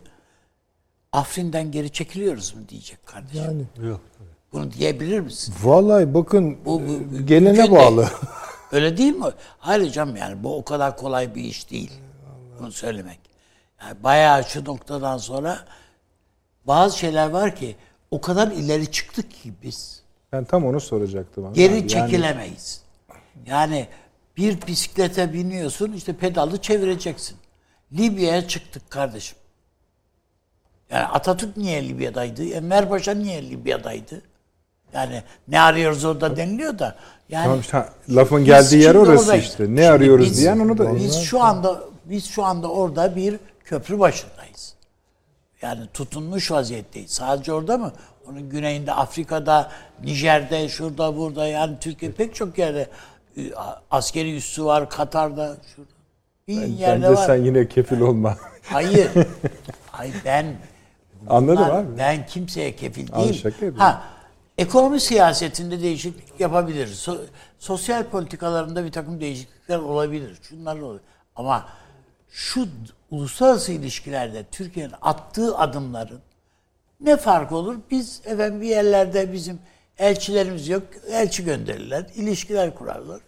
Ya, o bunlar olur. Ama atılmış olan adımlar ve bugün Türkiye'nin sağlam bastığı adımlar bunları geri çekmek kimsenin haddi değil. Yapamazsın. Boy, boy aşar diyorsun. Yani Kıbrıs'ı veremiyorsun kardeşim işte. Ama az daha veriyorduk. Yani veriliyor. Az da, yani hocam Az ama daha veriyorduk. verilmiyor. Sonuç itibariyle Yani hayır üstadım. frene basıyor birileri. Abi doğruları söylüyor da yani ama biz de biliyoruz ki yani bunun böyle renk kaymaları Evet yani oldu yani. şimdi bu anlam planını evet diye Rumlar onaylasalardı ne olacaktı? Bitmişti işte. Tabii siz söylediniz. Vermiştik Hocam yani. yani o dediğiniz doğru da bazen biliyorsunuz direkten de dönüyor yani. Yani evet o anlam planı evet dersiniz ama sonraki bilmem ne anlaşmasında su koyarsınız. Yani Anladım. Peki paşam. Ee, Ben e, şunu söyleyeceğim. Tabii e, Avrupa ile e, kim seçilirse seçilsin ilişkilerde iki ülkede yapılacak iktidar değişikliklerinin bekleneceğini ben düşünüyorum. Bunlardan biri Fransa'da. E, işte e, Le Pen veya diğerini destekleyeceği aşırı milliyetçilerin 2022'de mi onların seçimleri? Evet, evet. Bir sene sonra seçim var. Ee, ve e, Fransa'nın politikası e, şu anda Macron'dan farklı olacağı hemen hemen kesin gibi. Bazı temel politikalarda değişiklik olmayabilir ama Amerika Birleşik Devletleri tabii bu virüse rağmen, etkisine rağmen %6.8'lik bir büyüme gerçekleştirdi. Dünyada en büyük bir büyüme e, oranına geldi. Yani burada Merkel de bırakacak ama aynı partiden gittiği için yerine gelecek olan kişinin de bu politika farklılığını pek e, değiştirmeyeceğini düşünüyorum. Ancak bununla birlikte özellikle bu yıl e, biliyorsunuz Merkel'le yaptığı görüşmede Trump NATO'ya olan e, %32'lik ödemeyi e, Amerika tek başına yapıyordu. Bunu %50 %50 Almanya ile anlaştılar. Almanya ilk kez 2021 yılından itibaren NATO'ya ciddi bir para ödemeye başlayacak. E, bu e, tabii e, Alman bütçesi için e, fazla bir miktar olmamakla birlikte Almanya kamuoyunda da ciddi bir şekilde eleştirilen ve Merkel'e yönelik olarak eleştirilde bulunan önemli konuların başında geliyor. Yani bu iç politikada olası bir seçimde Merkel'e etki edebilir. Yani bunu bize herhangi bir şey olmayan, bizim anayasamızda güç kullanmamızı engelleyen yapılarda e, bize ait e, olmayan bir kuvvetin paralarını ödüyoruz diye. E, ama Amerika'da e, sizi biz e, koruyoruz diyor. E, o da anayasa olarak serbest bırakın biz de kendi ordumuzu kuralım diyor zaten. Yani e, bu biraz sorun yaratabilir diye e, düşünüyorum. E, tabii bunun dışında e, ben özellikle Orta Doğu'daki yeni yapılanmalar geçen programda da bahsettik. Yani Mısır, e, Ürdün e, ve Irak arasındaki e, bir e, ortaya çıkan daha resmiyet kazanmayan e, bir ilişkiler yumağının e, karşısında tabii e, İsrail, Suudi Arabistan e, kısmen diyelim Birleşik Arap Emirlikleri'nin olduğu bir e, yapı e, konusunda e, Trump ve her ikisinin de Biden'ın da e, Orta Doğu'nun bu şekilde iki farklı gruba ayrılmasına müsaade eder mi etmez mi? E, bu bence önemli bir konu olarak düşünüyorum. E, çünkü e, bu demek Orta Doğu'nun daha çok kaosa sürüklenmesi anlamına taşır ki e, bu buradan e, kuvvet çekmek isteyen veya sadece DAEŞ veya PKK'ya destek vermek isteyen Amerika'nın e, burada daha çok kuvvet bulundurması anlamına taşır. E, bu da bir düzensizliği ve kaosu beraberinde getirir. E, dolayısıyla ben Biden veya Trump'ın her ikisinin de e, burada e, karşılaşacağı sorunlardan biri olarak düşünüyorum. E, Trump'ın seçilmesi halinde NATO'yu e, şu şekilde bence angaje edecektir. E, NATO, e, NATO'nun görev alanını Orta Doğu ve Uzak Doğu olacak şekilde değişikliğe gitme şeklinde bir çabası da olacaktır. E, bunu daha bence ifade etmişti. Çünkü NATO şu anda açıkçası kendine zoraki bir düşman buluyor. Şu anda Rusya'yı deklare etmiş durumdalar. Bir sonraki işte muhtemelen Çin'i de ekleyeceklerdir ona bir sonraki toplantıda. Ve ancak Trump bununla yetinmiyor. Yani Trump esas olarak kendi güçlerini çekerken e, bu kendi kamuoyunda olan popülaritesini de artıracağını düşünüyorum. E, bunun yerine e, bu kadar masraf yaptıkları NATO'nun e, kendi istedikleri yerde kullanmasının önünü e, açabilecektir. Yani NATO konusunda e, ya e, bensiz devam edin yola diyecektir veya veya da e, NATO'nun görev alanını bu şekilde ben e, düzenliyorum ve değiştiriyorum diyecektir. Yani Pasifik'le e, Orta Doğu'da da NATO'yu aktif bir şekilde göreve e, sevk edecektir diye e, değerlendiriyorum. Peki. Şöyle bir şey var. Dün e, Viyana'da gerçekleşen de, saldırı Evet. yani öyle bir kişinin eline silah alıp da bilmem etmesi değil. Onun arka planını hani şimdi şu anda konuşmamızın şeyi yok daha bir soruşturma Önemli şey, evet. derinleşiyor. Bu DAEŞ saldırısı.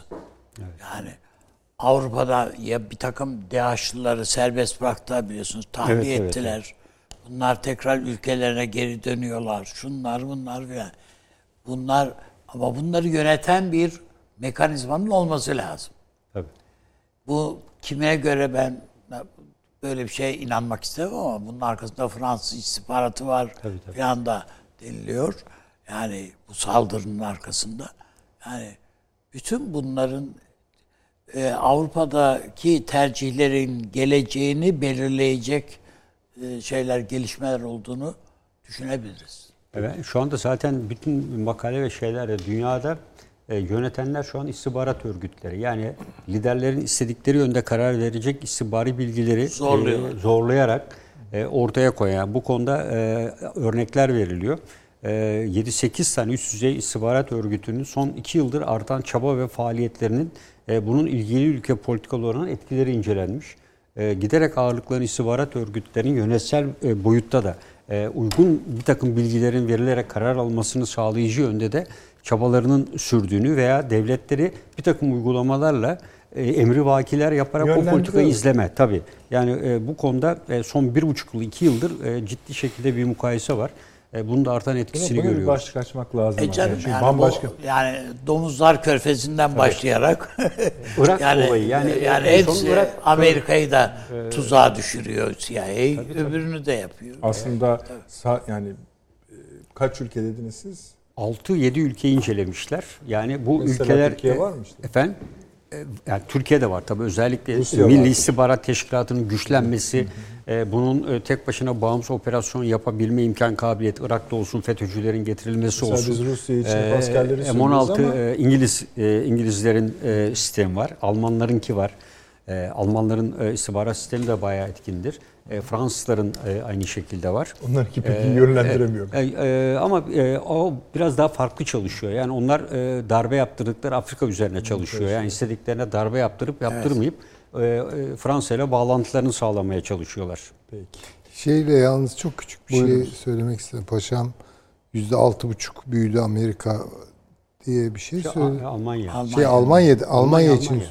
ama benim bildiğim küçülme var Amerika. E, Alman en son verilerde yüzde altı sekizlik e, bir e, büyüme yani küçülme Yüzde on iki küçülme Valla olduğunu bugünkü e, Deutsche Welle'de yazıyordu. Yani bugünkü e, ben de hatta kesin Yani onlarda da bir dalgalanma oldu. Oldu, toparladık. e, ama Şeye toparladıklarını ifade ediyor. çok yeni bir Amerika'da istatistik mesela çünkü biliyorsunuz de- işsizlik çok ciddi bir soruna dönüşmüştü. Nerede? Ben Amerika Birleşik Devletleri'nde.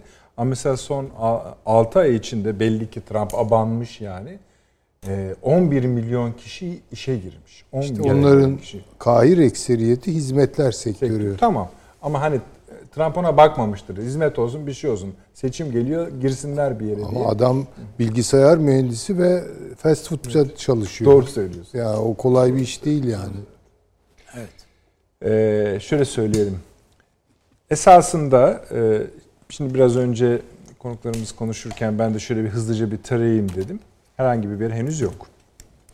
Daha ilerleyen saatlerde gelenler de bize tam bir sonuç vermekten muhtemelen uzak olacaklar. Ama sabaha karşı diyelim e, ya da gecenin ilerleyen saatlerinde kestirme yapılabilecek kadar belki bir veri elimize gelebilir. Onları zaten takip yarın da takip edebilirsiniz. Şimdi de takip edebilirsiniz. Ancak Amerikan başkanı kim olursa olsun dünyayı nasıl bir halin beklediğine ilişkin bu masada konuşulanların dışında çok az şeyin ortaya çıkacağını düşünüyorum. E, çünkü bu cepheleri esasında kendileri oraya koyuyorlar. Kendileri hedefliyorlar. Trump öyle yapıyor, Biden öyle yapıyor, Rusya öyle yapıyor, Çin öyle yapıyor. Türkiye'de bunlara göre bir pozisyon ediniyor ve bunlara göre bir postür yani duruş sergiliyor. Bu duruş Türk siyasi tarihindeki en güçlü duruşlardan birisi. Doğal olarak onun için bütün konuşmacılarımız, katılımcılarımız e, Amerika Birleşik Devletleri Başkanı kim olursa olsun Türkiye'nin siyasi deviniminin değişmeyeceğini söyledi. Öteki taraftan tabii ki bütün ülkeler gibi Türkiye'de yeni başkanın kim olacağını izliyor ve işte bazı noktalarda örneğin Sayın Paşam İran'ı söyledi. Çok önemli bir konu. Tuzaklara da gebe olabilir ve daha birçok konu büyük ülkelerde dahil başkanlara göre değişecek. Onları da yakından takip edeceğiz. Süremiz bu kadardı efendim. Teşekkür ediyoruz. Arne abi sağ olunuz. Süleyman Hocam, Paşam eksik olmayınız. Sağ olunuz. Ee, arkadaşlar bu gece tekrar var mı yoksa şey devam edecek herhalde? Yayın devam edecek değil mi? Ama yarın YouTube'da kaçıran e, izleyicilerimiz izleyebilirler. Perşembe akşamı da saat 21'de yine inşallah huzurlarınızda olacağız efendim. İyi geceler diliyoruz.